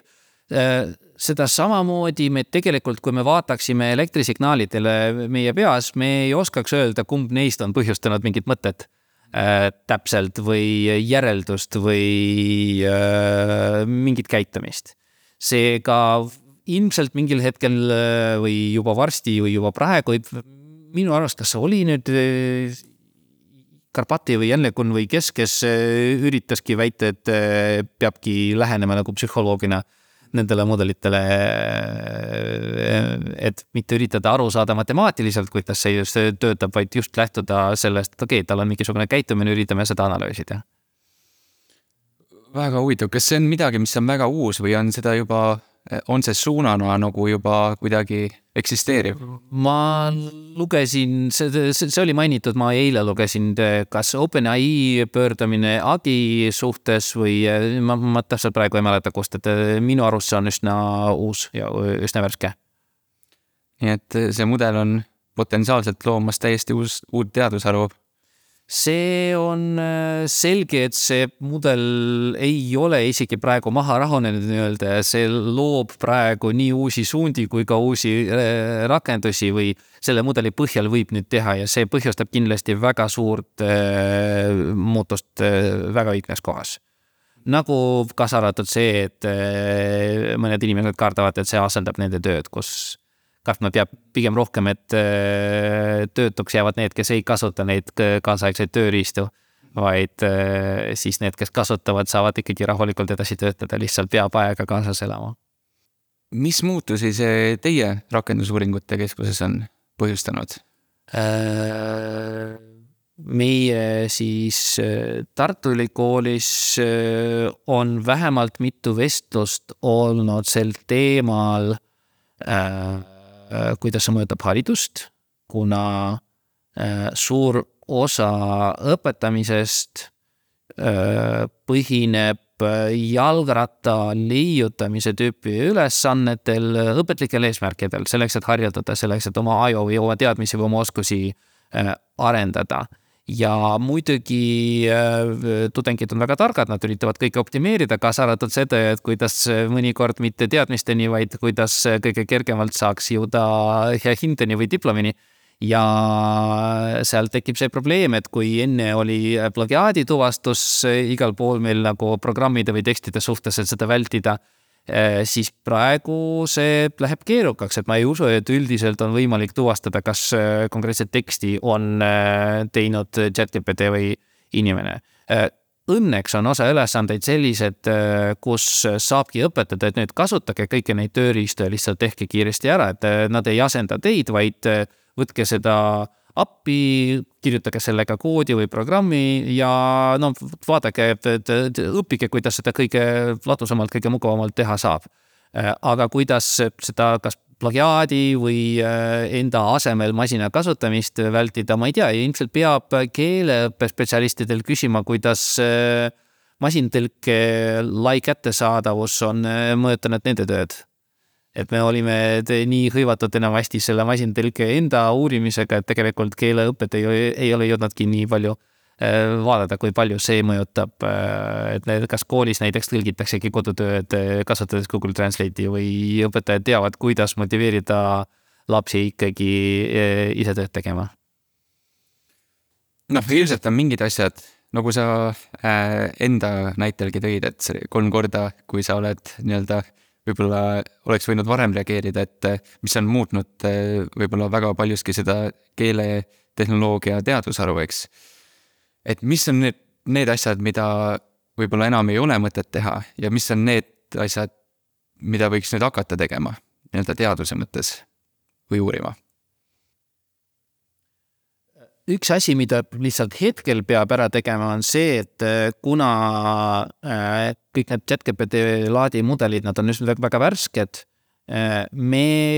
isegi kui me ei mõista seda, kuidas nad täpselt lõpuks töötavad, mitte matemaatiliselt, vaid nagu sisu poolest nii-öelda, siis me isegi ei tea täpselt, kui hästi nad saavad konkreetsete ülesannetega hakkama, neid peab Äh, et nende täpsust või nende seda tööd peab ära kaardistama, et millega täpselt ta saab hakkama, mille, millega ta ei saa hakkama, et praegu on äh, pigem niimoodi äh, suht juhusliku valikuga teada, et umbes selliste ülesannetega ta saab hakkama, võib-olla umbes sellistega ei. siin on mõtet, et jah, siin ei ole, aga konkreetset äh, sellist teadmist, et äh, näiteks ta suudaks parandada eestikeelseid grammatikavigu üheksakümne viie protsendi täpsuse ja saagisega, äh, seda ei ole teada, et esimene samm on kindlasti lihtsalt, et teada, mida sellega edasi teha, peab ära mõõtma iga relevantse asja juures üldse, mida ta suudab teha. Äh, masintõlke peale mõelda, siis äh, tuttavad äh, mujalt riikidest äh, juba praegu hüpotetiseerivad, et varsti hakataksegi keelemudelite abil tõlkima, mitte tõlkemasinatega. kuigi tehnoloogiliselt nad on nagu erinevad, noh, siin on ainult dekodeerija ja tõlkes on nagu enkodeerija ja dekodeerija. aga või, võimalik, et neid kasutataksegi edasi varsti. ma olen ise tähele pannud, et kui ma kasutasin seda esimest versiooni chat GPT-st ma proovisin, kuidas ta töötab eesti keeles ka ja see noh, oli väga konarlik tekst, siis ma jätsin kohe selle sinnapaika. aga nüüd ma proovisin uuesti ja nüüd on palju parem. et eh, millest see võib tulla või kas see kasutaja tagasiside või see nii-öelda see stiimulõppe osa sealt võib ka parandada seda tõlke kvaliteeti? Ilmselt on ta nüüdseks jah, näinud rohkem äh, eestikeelset sisendit ja kui ta sellega äh, nagu äh, rohkem edasi õppinud on, see teeb teda paremaks. Kui ta eesti keelt teeb, ma, ma usun, et GPT kolm punkt viis, see, mille põhjal chat-GPT oli tehtud, see on juba eesti keelt näinud natukenegi muidu ilma selleta ta nullist selle keelde ära ei, ei, ei õpiks, aga ilmselt tagasiside aitab teda. GPT-4, nii palju kui mina seda katsetanud olen, see, ma ei ole ühtegi nagu grammatilist viga veel äh, seal näinud eesti keeles. Äh, kuigi, kui küsida sellelt, et tõlgi midagi liivi või komi keelde, siis väljund on äh, pudrekapsas. me oleme komi ja liivi rääkijatega arutanud või isegi meie tõlkemasinaid niimoodi kasutanud ja siis väga siuksed äh, lihtsad sisendid ja väljendid saavad nagu tõlgitud, aga muidu ta lihtsalt ei saa sellega hakkama. kui neid komirääkijaid, liivirääkijaid oleks nagu rohkem, siis võib-olla ta äh, õpiks äh, ennast paremaks, aga noh. aga mis võiksid veel olla need uued suunad keeletehnoloogias? praegu väga, mingi suur osa nendest suundadest läheb sellele, et äh, ilmselt väga oluliselt tõuseb äh, prompt engineering'u tähtsus äh, ja kaal äh,. ehk siis lähteteksti insenerdamine või õige sõnastamine, kuna praegu saab lausa programmeerida seda chat-GPT-d, nagu anna väljendid vot selles äh, formaadis ja, ja seda kasutada ja äh, paljud ülesanded, ma olen üsna kindel, on hetkel lahendatavad nagu äh, näiteks mingi analüüs, nagu koolis tehakse äh, lause struktuur või sõnaliigid või siis lause liikmed, et sellega ta saaks üsna hästi hakkama siis lihtsalt paljud ülesanded on, saavad praegu lahenduse niimoodi, et lihtsalt nagu say please või sõnasta seda õigesti ja siis ta lahendab. Äh, aga noh, selle kõige juures peab muidugi arvestama, et iga ülesande juures, olgu selleks ingliskeelne, eestikeelne ülesanne või nii edasi äh,. Isegi GPT-4-l ei ole sajaprotsendilist äh, täpsust praegu, okei okay,, inimesel ka ei ole aga masinad äh, nagu see degeneratiivsed keelemudelid, nad töötavad teistmoodi, et see isegi kui vigade protsent on viis protsenti, siis see viis protsenti võib olla äh, üsnagi raskelt ennustatav või selline kummaline, et miks ta küll seal äh, vigu teeb. ja seetõttu, äh, seetõttu äh, ma ei kardaks, et see asendab inimesi nii, nii kiiresti, kuna praegu selleks, et seda ükskõik mis valdkonnas kasutada, peab olema selles valdkonnas ise piisavalt pädev kui mitte selleks, et ise seda ülesannet võib-olla natuke suurema ajaga ära teha, siis vähemalt selleks, et tuvastada, kas tegu on äh, korrektse lahendusega või mingi hallutsinatsiooniga. Äh, ilma selleta ei ole see üldse praegu turvaline, kuna keegi, absoluutselt keegi ei anna garantiid, et kui äh, kui, kui, kui nüüd rääkida või kui tulla tagasi selle teemale, et kui, kas need mudelid on nüüd targad või õppinud eesti keelde ära, siis GPT nelja isegi käest, kui küsida, mis, mis on Oskar Lutsu Kevade esimene lause Äh, siis ta leiutab iga kord midagi uut, ta ei, ta ei tea, et see, kui Arno ise ka koolimaja jõudis, on see õige vastus. lisaks, kui küsida, mitu käänet on eesti keeles, kunagi on see ütelnud kaks, pikk ja lühike või kolm ülemmääre, keskmääre, alammääre. Äh, soravas eesti keeles, aga täiesti mööda. praegu ta teab, et neliteist aga nende nimetusi ta ajab küll, hakkab sinna midagi, midagi leiutama, et ta alles õpib ja isegi need asjad, mida ta on nii-öelda ära õppinud või mitu korda näinud, isegi seal noh, sõltuvad muidugi ülesandest, aga sada protsenti kunagi ei tule, no nagu inimeselgi. Mis sa ise arvad, mis on selliste väikeste keelte nagu eesti või komi või liivi keele üldse tulevik ja mis on teie roll selles tulevikus? no meie uurimusrühma roll siin Tartu Ülikoolis tegelikult just selles küsimuses on vägagi konkreetne. täna kirjutasime taotluse, et saada toetused just äh, arendada keeletehnoloogiat väikestele soome-ugri keeltele äh, just selleks eesmärgiks, et neid toetada, äh, et neid keeli saaks jäädvustada, kui mitte midagi muud, et nendesse saab tõlkida ja neid sünteesida ja muuhulgas siis, et arvuti abil saaks neid õpetada, et saaks toetada praegusi neid keelerääkijaid ja ka võimaldada kõigil, kes tahavad neid äh, õppida. ma arvan, et kui nendele tähelepanu mitte pöörata, siis nad võivad ära vajuda üsnagi kergelt, et neil on vaja igasugust toetust, no kõiki toetusi absoluutselt kõiksugust toetust, mida leida annab nii poliitilisel tasemel kui äh, ka tehnoloogilisel tasemel kui ka igatpidi. vot, et aga äh, ma arvan, et äh, kuna need chat-GPT laadi mudelid on nii Nende isu on nii lõpmatu andmete suhtes, et mida iganes nad näevad, vahel seda nad õpivadki, et võib-olla üks üks suund, mis ei ole võib-olla nii põnev, aga mis on kindlasti vajalik meil kui äh, nende keelte toetajatel või uurijatel või teadlastel, on tegelikult andmete kogumine äh, ja nende söötmine nendele mudelitele, et vähemalt need mudelid ei, unustaks neid keeli, isegi kui äh, inimesed võib-olla või inimeste arv, kes neid räägib, kahaneb. Sa ise mainisid ka vestluse alguses, et ähm, Meta ja teised tehnoloogiaettevõtted ikkagi soovivad ka keeli nagu alles hoida, et noh, tundub, et kui puhtalt äriliselt vaadata, siis see ei ole asi, mis on kõige prioriteetsem. aga noh, lõppkokkuvõttes on ka need inimesed, kes nende tehnoloogiatega töötavad ka eelkõige inimesed, ma loodan kas altruismist või, või missioonitundest või, või millest iganes nad on sellele nagu rõhku pannud. et mis sa arvad, et kas see võib muutuda emmas-kummas suunas, et võib-olla äri, äri saabki võitu või vastupidi, et äkki me nüüd muutume üha rohkem ja rohkem tundlikuks selle tehnoloogia nii-öelda võimekuse osas ja ühiskonna survel pannakse rohkem kohustusi nendele või ootusi nendele tehnoloogiaettevõtetele keelte eh, säilimise osas? Põnev on vaadata, kuhu see kõik viib muidugi. Seda, et miks need firmad niimoodi teevad või nagu on näitamas selgelt altruismi, sellel võib olla mitu põhjust, võib olla sihuke pragmaatiline põhjus, et nad lihtsalt tahavad koguda andmeid jätkuvalt. Või siis see, et kuni praeguse majanduse kriisini enne on neil firmadel läinud piisavalt hästi, et nad suudaksid võtta insenere puhtalt sellepärast, et see on väärt inimene ja temast võib-olla midagi kasulikku tuleb ja väidetavalt, ma ei ole kunagi Google'is töötanud, aga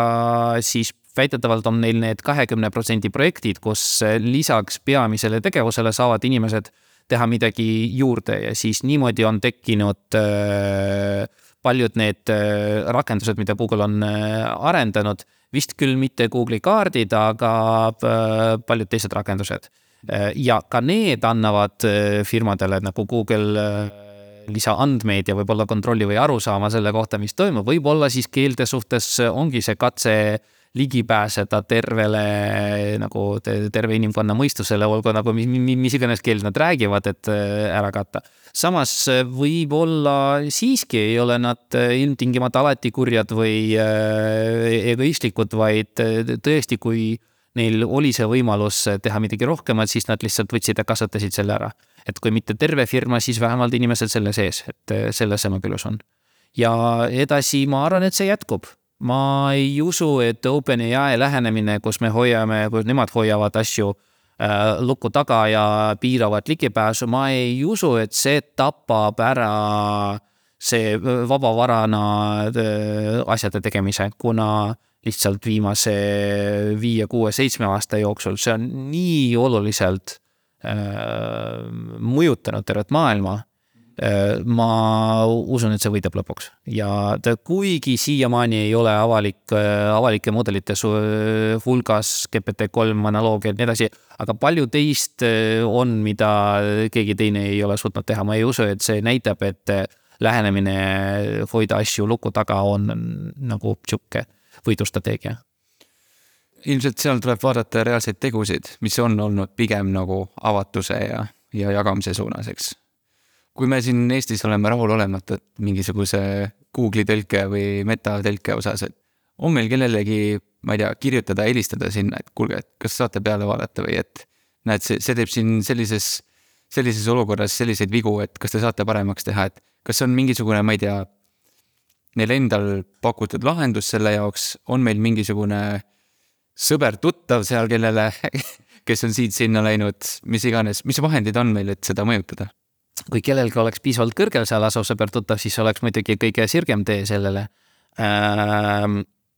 aga õnneks noh, nüüd, et koroonapandeemia on successful läbi, et loodetavasti, fingers crossed, siis hakatakse rohkem ikkagi nendel konverentsil, konverentsil äh, nagu käimist jätkatakse põhimõtteliselt ja seal tegelikult kõik tunnevad üksteist. meie teame neid inimesi, kes tegelevad masintõlkega Facebookis või äh Google'is või suurte keelemudelitega või kõnesünteesi või, või, või muudega, kuna enne olid nad meie kolleegid kusagil mujalt ülikoolist ja siis nad sinna Google'isse läksidki näiteks. või lihtsalt tutvuvad niimoodi konverentsi kaudu, siis seda teed pidi oma võrgustiku kaudu saab ikkagi nii infot äh, vahetada, kui ja äh, kui vähemalt äh, anda neile teada, et näiteks äh, siin on üks avalik andmestik. Et mitte, et võtke, tehke, parandage, aga selle abil te saaksite oma masina nagu paremaks treenida ja siin oleks nagu meie keelele kasu. teiseks muidugi riigi tasemel on Eesti juba teinud katseid äh,, Majandus-Kommunikatsiooniministeerium on väga pädev selles mõttes, on olnud väga aktiivselt, on arendanud igasuguseid tehnoloogiaid, kaasa arvatud äh, siis äh, Äh, bürokratt ja kõik äh, paljud muud äh, kratid ja üldsegi keeletehnoloogia ja tehisintellekti tehnoloogiad. ja seal riigi tasemel ma saan aru, et oli mingisugune samm tehtud sinna suunda, et rääkida Apple'iga vist, et ära rääkida Sirile eesti keele lisamise võimalust, aga täpsemat infot mul selle kohta ei ole. aga ühesõnaga selleks, et mingisugune suur korporatsioon või suur firma nagu Google, Facebook, Amazon, Apple, nii edasi, kui midagi teeksid, on vaja kas, et neil oleks selleks selge huvi ja see, seda võib põhjustada suure või piisavalt suure riigi või isegi väikse, aga uhke riigi nagu Eesti äh, huvi äh, selles mõttes. või siis see, et just teadlaste vaheline suhtlemine, et see on lihtsalt tehtav. ilmselt läbi teie teadustöö ju ka, et kui te avalikustate, tekitate neid andmestikke, et siis see ju reaalselt aitab nii-öelda teoorias sellel suurel mitmekeelelisel mudelil vähemalt inkrementaalselt natuke paremaks saada? no me oleme isegi üritanud, et siis, kui, äh, siis kui me tegime neurokõnet, mis on see teksti kõneks sünteesimine, äh, see kõlab ütleme, minu hinnangul kõlab see sama hästi kui praegune Microsofti sünteesi, aga seal on nagu rohkem hääli ja see on täielik vabavara. ja see kõlab väga palju parem kui Google'i oma, Google'i oma räägib nagu kas mingi soome aktsendiga või kuidagi nii natuke imelikult. ja kohe, kui me kogusime seda andmestikku ja tegime seda vabalt kättesaadavaks, esimese asjana ma küsisin oma tuttavatelt Google'is Äh, kes ei tegele kõnesünteesiga, et kes teil tegeleb ja siis sellele inimesele saatsin, kuulge, meil on siin avalik äh, korpus, et nagu järgmisel korral, kui te treenite oma masinat ümber, äkki lisage siis nagu nagu teie asi hakkab paremini eesti keeles kõlama, et äh, võib-olla see ei ole suur overhead, aga nagu terve Eesti oleks põhimõtteliselt õnnelik sellega. no siiamaani ei ole see juhtunud et selleks peab ilmselt olema huvi või mingisugune motivatsioon või otse tuttav, keda saab eh, pärast ühe nädala eh, veel nagu tülitada, et kuule, oled juba teinud, ei, aga pane ikka. ilma selleta võib olla ka ju raske. et siit üleskutse siis inimestele, kes kuulavad, et kui sul on sõber Google'is anna, anna, anna tema kontakt Markile ja äkki, äkki saame või siis vähemalt ja survestage, et võtke avalikke andmeid Eestist, et siin seda toodetakse väga palju ja võtke endale siis eestikeelsed mudelid paremaks. mis sa arvad, kuidas see viimase paari kuu jooksul toimuv meie maailma muutnud on? mis on üldse muutunud? mis jääb samaks ja kuidas me siit edasi lähme? noh, vastata saab jällegi mitmel viisil. Äh, esiteks ma arvan, et paljud inimesed hoolivad veelgi vähem äh, oma äh, privaatsete andmete privaatsusest, vaid seda lihtsalt esitatakse sinna kuhugi, ükskõik kuhu see läheb. Äh, samas see ei ole hiljuti väga suureks probleem, see, see on nagu teemaks, seda on tõstetud ja nii edasi. aga mitte, et suures hulgas inimkond seda väga kardab, lihtsalt jagatakse kõik. kui Edward Snowdeni see case tuli, siis see oli nii äh, akuutne ja siis hiljem on, hiljem on nagu mul endal samamoodi, et ma, ma tegin isegi sellise väikse testperioodi, kus ma proovisin täiesti võõrduda kõigest eh, suurest tehnoloogiast, et aru saada, et kas see on võimalik. ma sain aru, et jah, see on võimalik, aga see on lihtsalt nii ebamugav ja siis lihtsalt noh, las neil olla need minu andmed. ja et sellega peab lihtsalt leppima ja aega kaasas kõndima edasi siis mida see veel on mõjutanud, no te, kindlasti on see mõjutanud või mõjutamas mitut eriala või ametit, kaasa arvatud siis no ma ei tea, kas see psühholoogiat on mõjutanud, kas tõesti terapeudid, äkki see mõjutab seda, ma kujutan ette, et see mõjutab igat äh, valdkonda äh,, mida sa, see puudutab, mitte nii, et see esi, et see nagu asendaks inimesi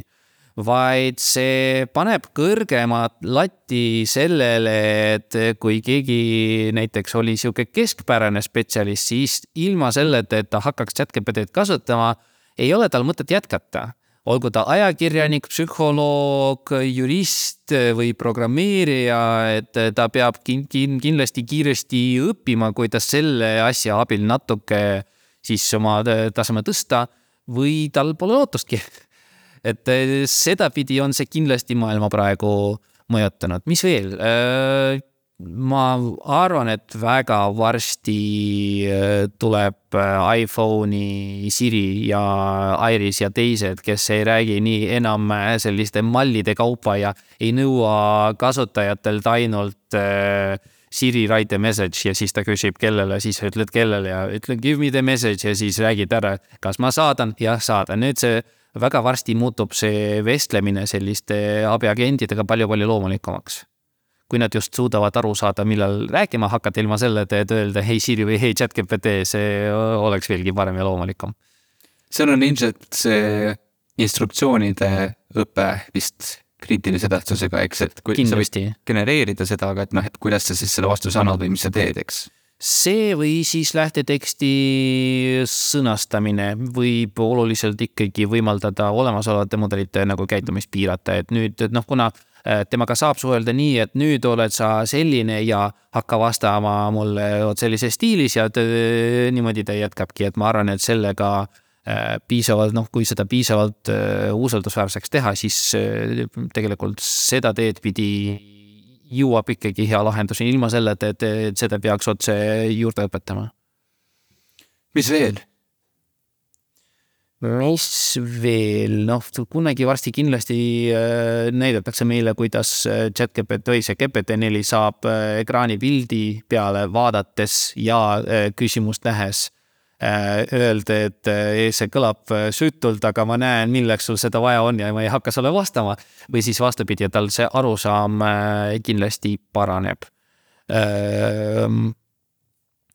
kindlasti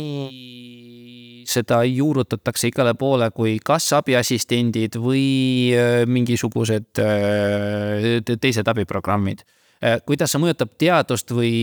tehnoloogiat või üldse nagu idee arendamist, üks viis, kuidas seda rakendada saab, on näiteks andmete genereerimiseks. Et näiteks kui mul on vaja meditsiinilisi andmeid ja nendega midagi teha, aga äh, ütleme, need on privaatsed ja ma ei saa võtta privaatinimeste või erainimeste andmeid, siis ma saan lihtsalt ütelda, et anna mulle nagu kümme suvalist näidet vot selle kohta ja siis neid kasutada selleks, et äh, mudelit treenida, ehk siis sünteetiliste andmete genereerimiseks ma arvan, et need mudelid on väga head. juba oli ju artikkel, eks, et äh,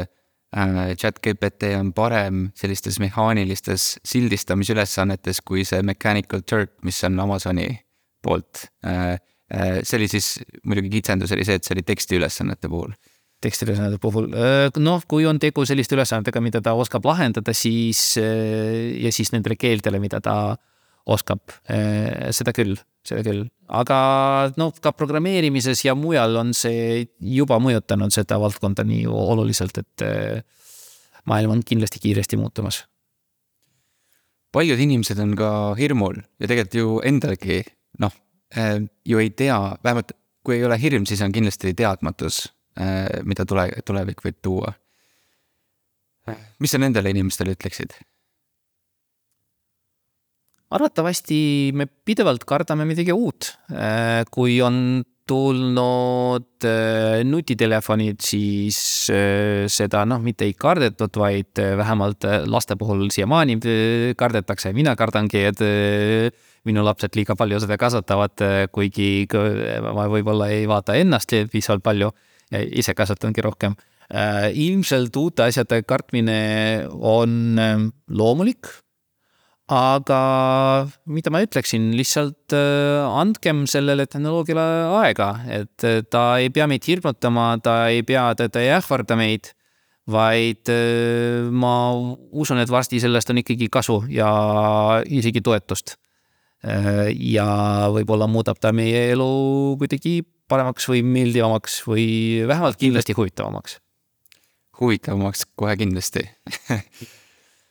inimesed nagu Jaan Tallinn ja Elon Musk on äh, juba tegelikult väga pikka aega tundnud siis äh, muret selle üle, et äkki see areng on nagu nii kiire, et me magame midagi maha ja siis see tehisintellekt paneb kuidagi lõksu. mis su enda hinnang on, et kas see on üldse midagi, mis on kunagi tõenäoline? ja kui see mingil määral on, et kas me oleme selle riski poole teinud sammu lähemale või pigem veel mitte? Ma ise ei, ma ei pane ennast äh, samasse hulka inimest, inimesi nagu Elon Musk või Jan Tallinn. Äh, aga ma ei kardaks seda, et äh, uued tehnoloogiad järsku saabub singularity ja järsku me muutume kõik ai orjadeks. kindlasti tehisintellekt on pidevalt mõjutanud ja on pidevalt mõjutamas Äh, meie elulaadi ja seda, kuidas me elame, kuidas me toimetame ja äh, hetkel võib-olla on raske ennustada, mis äh, sellest nagu saab, ma ei tea, kümne, kahekümne või viiekümne aasta pärast. samas aga sedasama asja saab öelda kõikide teiste tehnoloogiate kohta, et conveyor belt, kus nagu automaatsed kokkupanemise asjad, no need on jätnud mitut inimest ilma tööta, kes enne käsitsi asju tegid või siis praegu arvuti olemasolu on samamoodi mõjutanud seda, et enam ei trükita käsitsi või ei tehta käsitsi või ei arvutata käsitsi. Äh, seega noh, küll ta mõjutab, küll muutub meie elu, aga mis sest, et see on pidevalt toimumas ja ärme seda kartkem.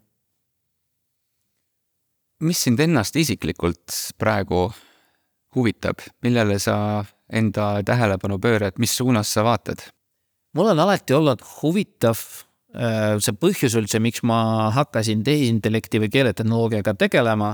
oli see, et see valdkond pöörab äh, terve oma tähelepanu ülesannetele, mida meie kui inimesed äh, saame üsna hästi lahendada, aga me ei tea, kuidas me seda teeme. me ei tea, kuidas täpselt nagu, kuidas me täpselt jalutame, me, ma tean, et kõigepealt vasak jalg ja siis parem jalg, aga Äh, kui ma üritaks arvutile või robotile selgitada väga formaalsel viisil, äh, millist äh, liigest või musklit peab, kui palju pingutama, mis hetkel, siis see jalutamine ei tuleks hästi välja. samamoodi, kuidas me saame aru, mida meile räägitakse või siis tõlgendame seda, mida me näeme, me, me ei tea, aga me saame sellega hakkama. ja minu jaoks oli võluv selline haru Äh, arvutiteaduses, mis tegelebki nende ülesannete mitte siis lahendamisega, vaid äh, nende lahenduste imiteerimisega, et kuidas me paneme arvutit või programmi tegema midagi, äh, mida me ei tea, kuidas seda tehakse, aga las ta siis teebki siiski ise. minu jaoks on see väga põnev sellepärast, et kui me lubame arvutiprogrammidel Äh, midagi ise õppida, olgu see juhendatud õpe või juhendamata õpe või see stiimulõpe või mingi muu viis, siis alati jääb see põnev küsimus, aga mida nad õpivad peale selle, mida me otseselt neile näitame? et sellest paistab läbi see, kas nende programmide mingi lisavõimsus või äh, tarkus Äh, või siis vähemalt selle valdkonna või ülesannete äh, hulga mingisugune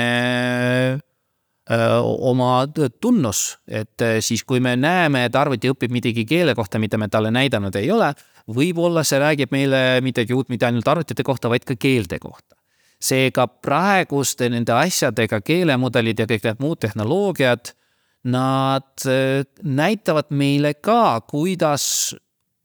on omavahel uutel viisidel need ülesanded seotud, mida meie talle ei, ei, ei, ei, ei pane vastavusse või näitame omaette, aga ta leiab neid äh, mustreid, ta leiab neid seoseid. Et äh, siis ta ütleb meile midagi muud keele kohta ja siis äh, piltide kohta meil samamoodi öeldakse midagi muud, me võib-olla ei oska seda veel näha see täpselt, et äh, mida täpselt see ütleb, aga see kindlasti väärib uurimist, et see, see on minu jaoks väga-väga põnev. Et ma, see on selline, ma olen alati seda nimetanud tasuta lõunaks et äh, kui äh, ütleme, kui programm õpib mingisugust funktsionaalsust, mida talle näidatud ei ole, aga ta siiski saab sellega hakkama, see on nagu ta, ta on teinud seda ilma lisapingutusteta nagu. on sul mõni, on sul mõni näide? Ah, kindlasti, näiteks meie neurotõlge ei tõlgi ainult keelte vahel, vaid ta on vahepeal õppinud eesti keele vigu parandama. Äh, me oleme näidanud talle eesti, inglise, eesti, vene, vene, eesti, inglise, eesti tõlget ja ühtegi näidet eesti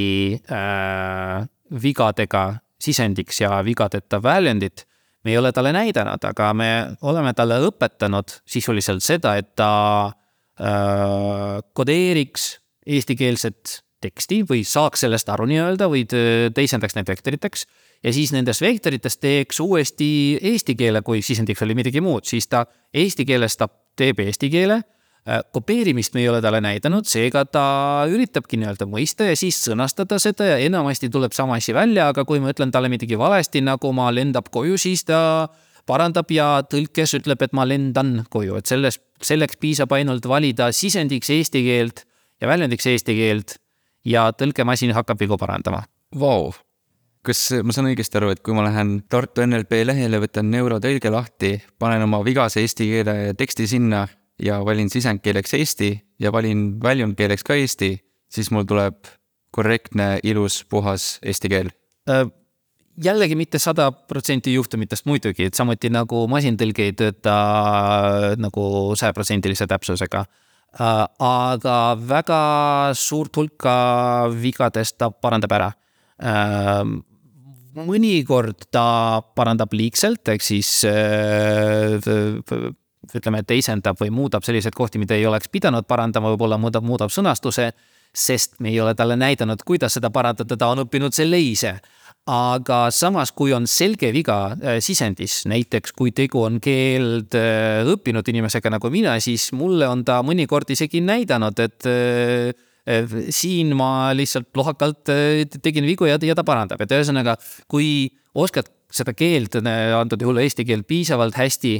et jällegi nagu chat-GPT-ga, kui oskad valdkonna piisavalt hästi, et näha, kas äh, pakutud variant on hea või mitte, siis sellest on kasu. sellest parandajast on, äh, kui ma oskan keelt piisavalt hästi, et näha, kas sellest parandusest on kasu, kas see on mõistlik parandus, siis ma ei pruugi seda ise märgata alguses, et seal on viga, aga kui ta mulle näitab, siis aa, tõepoolest niimoodi kõlab palju suravamalt. et niimoodi sellest on ka kasu. see on väga huvitav. kas äh, on praegu midagi nii-öelda need tekkelised omadused siis programmidel, mida sa hetkel uurid? Äh, mul on üks doktorant, äh, Agnes Luhtaru näiteks, kes uurib neid, seda siirdeõpet või seoseid just robotite kontekstis. et äh, kui anda mingisugusele programmile multimodaalsed sisendid, mille, millega ta õpib, olgu selleks kas kõne või pilt või tekst võib olla, liigutused, võib olla sensorite tagasiside, et kas nende vahel on mingisugune sihuke seos ja kas äh, ühe ülesande õppimine võib aidata teise ülesande lahendamise täpsust. Äh, aga noh, ta alustas üks aasta tagasi ja see on niisugune väga ambitsioonikas projekt, et seal äh, siis tema põhimõtteliselt seda uurib ja mujalgi ka kõik katsed teha midagi juhendamatul viisil või siis samamoodi see soome-ugri neurotõlge Äh, kus mitte iga keelepaari jaoks ei ole meil tõlkenäiteid, et näiteks e,, näiteks ütleme, komi keel oli varustatud ainult venekeelsete tõlgetega. Aga praeguses süsteemis saab tõlkida komi keelest eesti keelde, võib-olla mitte alati väga täpselt või eesti keelest komi keelde, ilma selleta, et oleks neid näinud, see on siis see niinimetatud zero shot efekt, üks vähestest mõistetest, mida me ei suuda siiamaani eesti keelde tõlkida. Äh, mitte nulllask, mitte kuidagi, ühesõnaga ta teeb seda lambist ilma näideteta, aga siiski tõlgib keelepaaridega, kus äh, äh, ta näiteid ei ole näinud, et ühesõnaga minu jaoks jääb see püsivaks huviks ja ma uurin seda igal pool, et tasuta lõuna on alati väga atraktiivne idee. mida sa soovitaksid noortele inimestele, kes täna võib-olla huvituvad tehnoloogiast, kaaluvad äh, sellel alal äh, nii-öelda õppima minna või tööle minna? see on palju raskem küsimus kui see, kuidas chatGPT töötab, sest äh, mina oma järgmisele põlvkonnale kodus lastele, no mida sa räägid seal, kui vanem, sa oled ikkagi vanema rollis ja mida see vana sealt teab. Äh, seega raske niimoodi õpetada, kuna no see on absoluutselt teistsugune põlvkond ja küll ta võtab ja teeb nii, nagu ta tahab, aga ikkagi hoida oma äh, nagu äh, ilmselt soovitaks olla lihtsalt avatud äh, absoluutselt kõigile informatsioonile, võimalustele ja olla kriitiline. Ise otsustada, mitte usaldada mitte ei fake news'i ega fake pilte ega kedagi teist, kes väga autoriteetselt väidab, et vot, vot nii jah ja nii ei, et äh, lihtsalt otsustada ise äh,. ilmselt see oleks ainus soovitus, mida ma julgeksin anda. noh, sa oled ise väga palju saavutanud ja jõudnud väga kaugele. Äh, kui sa enda nii-öelda teekonnale tagasi vaatad, et mis olid need valikud või need olukorrad, mis äh, sind täna siia tõid, kus sa oled? Hiljuti ühesõnaga on see vaimse tervise ja personaaltervise või mentaaltervise teema palju aktuaalsemaks muutunud. ilmselt üks soovitus, mida selles suhtes saaks anda, on see, et äh, kui te arvate halvasti enda kohta, ehk siis imposter kompleks või see võltsija kompleks, et see on normaalne see on kõigil, see on nagu, see on psühholoogia tingitud inimesed, kes näevad välja, et nagu nad on nii mingid targad või saavutanud või edukad, nii edasi, nii, nii edasi, et ka nemad kahtlevad endas ka, et nemad arvavad, et neil on lihtsalt vedanud, seega esimene refleks on, kuidas vastata, et noh, näiteks kuidas ma sattusin äh, kuidas minust sai äh, üheks aastaks siis näiteks Tartu Ülikooli kõige noorem professor, no mulle vedas lihtsalt, et eelmine õppetooli professor läks, emeriteerus ära ja siis mul lihtsalt vedas, see ei olnud minu saavutus lihtsalt niimoodi. et jah, et selles suhtes oleks soovitus, kahtlemine iseendas on intelligentsel inimesel väga iseloomuline ja võib-olla mõne määrani kasulik, et olla lihtsalt kriitiline aga mitte, see ei ole kindlasti kasulik siis, kui see kahjustab enda kohta mõtlemise ja äh, siis segab millegi tegemast. seega äh, võib endast, ennast, endas äh, kahelda, võib äh, siis mõelda, et äh, äkki teistpidi oleks või õigem või äh, siis korrektsem või niimoodi. aga seda häält seal sees peab lihtsalt ignoreerima lõpp, lõpuks. Äh, kuulama ja isegi sellesse peab suhtuma kriitiliselt ja mitte alati seda kuulama. aitäh sulle, Mark, selle väga põneva vestluse eest. vestlused sinuga on alati äh, põnevad ja ma võib-olla tooks esile, et ma ei tea, kas see on seotud omavahel, aga sinu fantastiliselt korrektne ja tabav eesti keele kasutus sellest erialast rääkimisel on minu jaoks nii muljetavaldav, et äh, ma, ma ütlen ausalt, ma enamik sõnu nagu stiimulõpe, äh, peenhäälestamine, kuidas see inst-, instrumentidega instru-, instruktaažõpe või kuidas sa seda ütlesid? juhistega. juhistega õpe, et need ma olen kõik sinult kuulnud ja ma kindlasti võtan need kasutusse ja aitäh ja aitäh ka sulle selle panuse eest, eh, mis sa oma, oma, oma tööga teed, et eesti keele, kultuuri eh, ja keelt eh, elus hoida ja, ja edendada.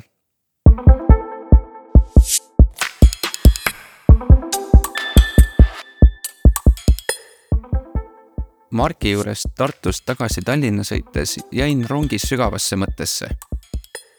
me tõesti elame tehisintellekti ajastul, nagu Bill Gates seda hiljuti nimetas loodan, et see vestlus jõuab Eesti inimesteni ja aitab meil seda uut ja helgemat maailma kuidagi paremini mõtestada. tehisintellekti ajastul on kõrgetasemeline teadustöö veelgi olulisem selleks, et me suudaks seda tehnoloogiat ohutult ja edukalt enda kasuks rakendada. edu Markile ja tema meeskonnale selles. aitäh kaasa mõtlemast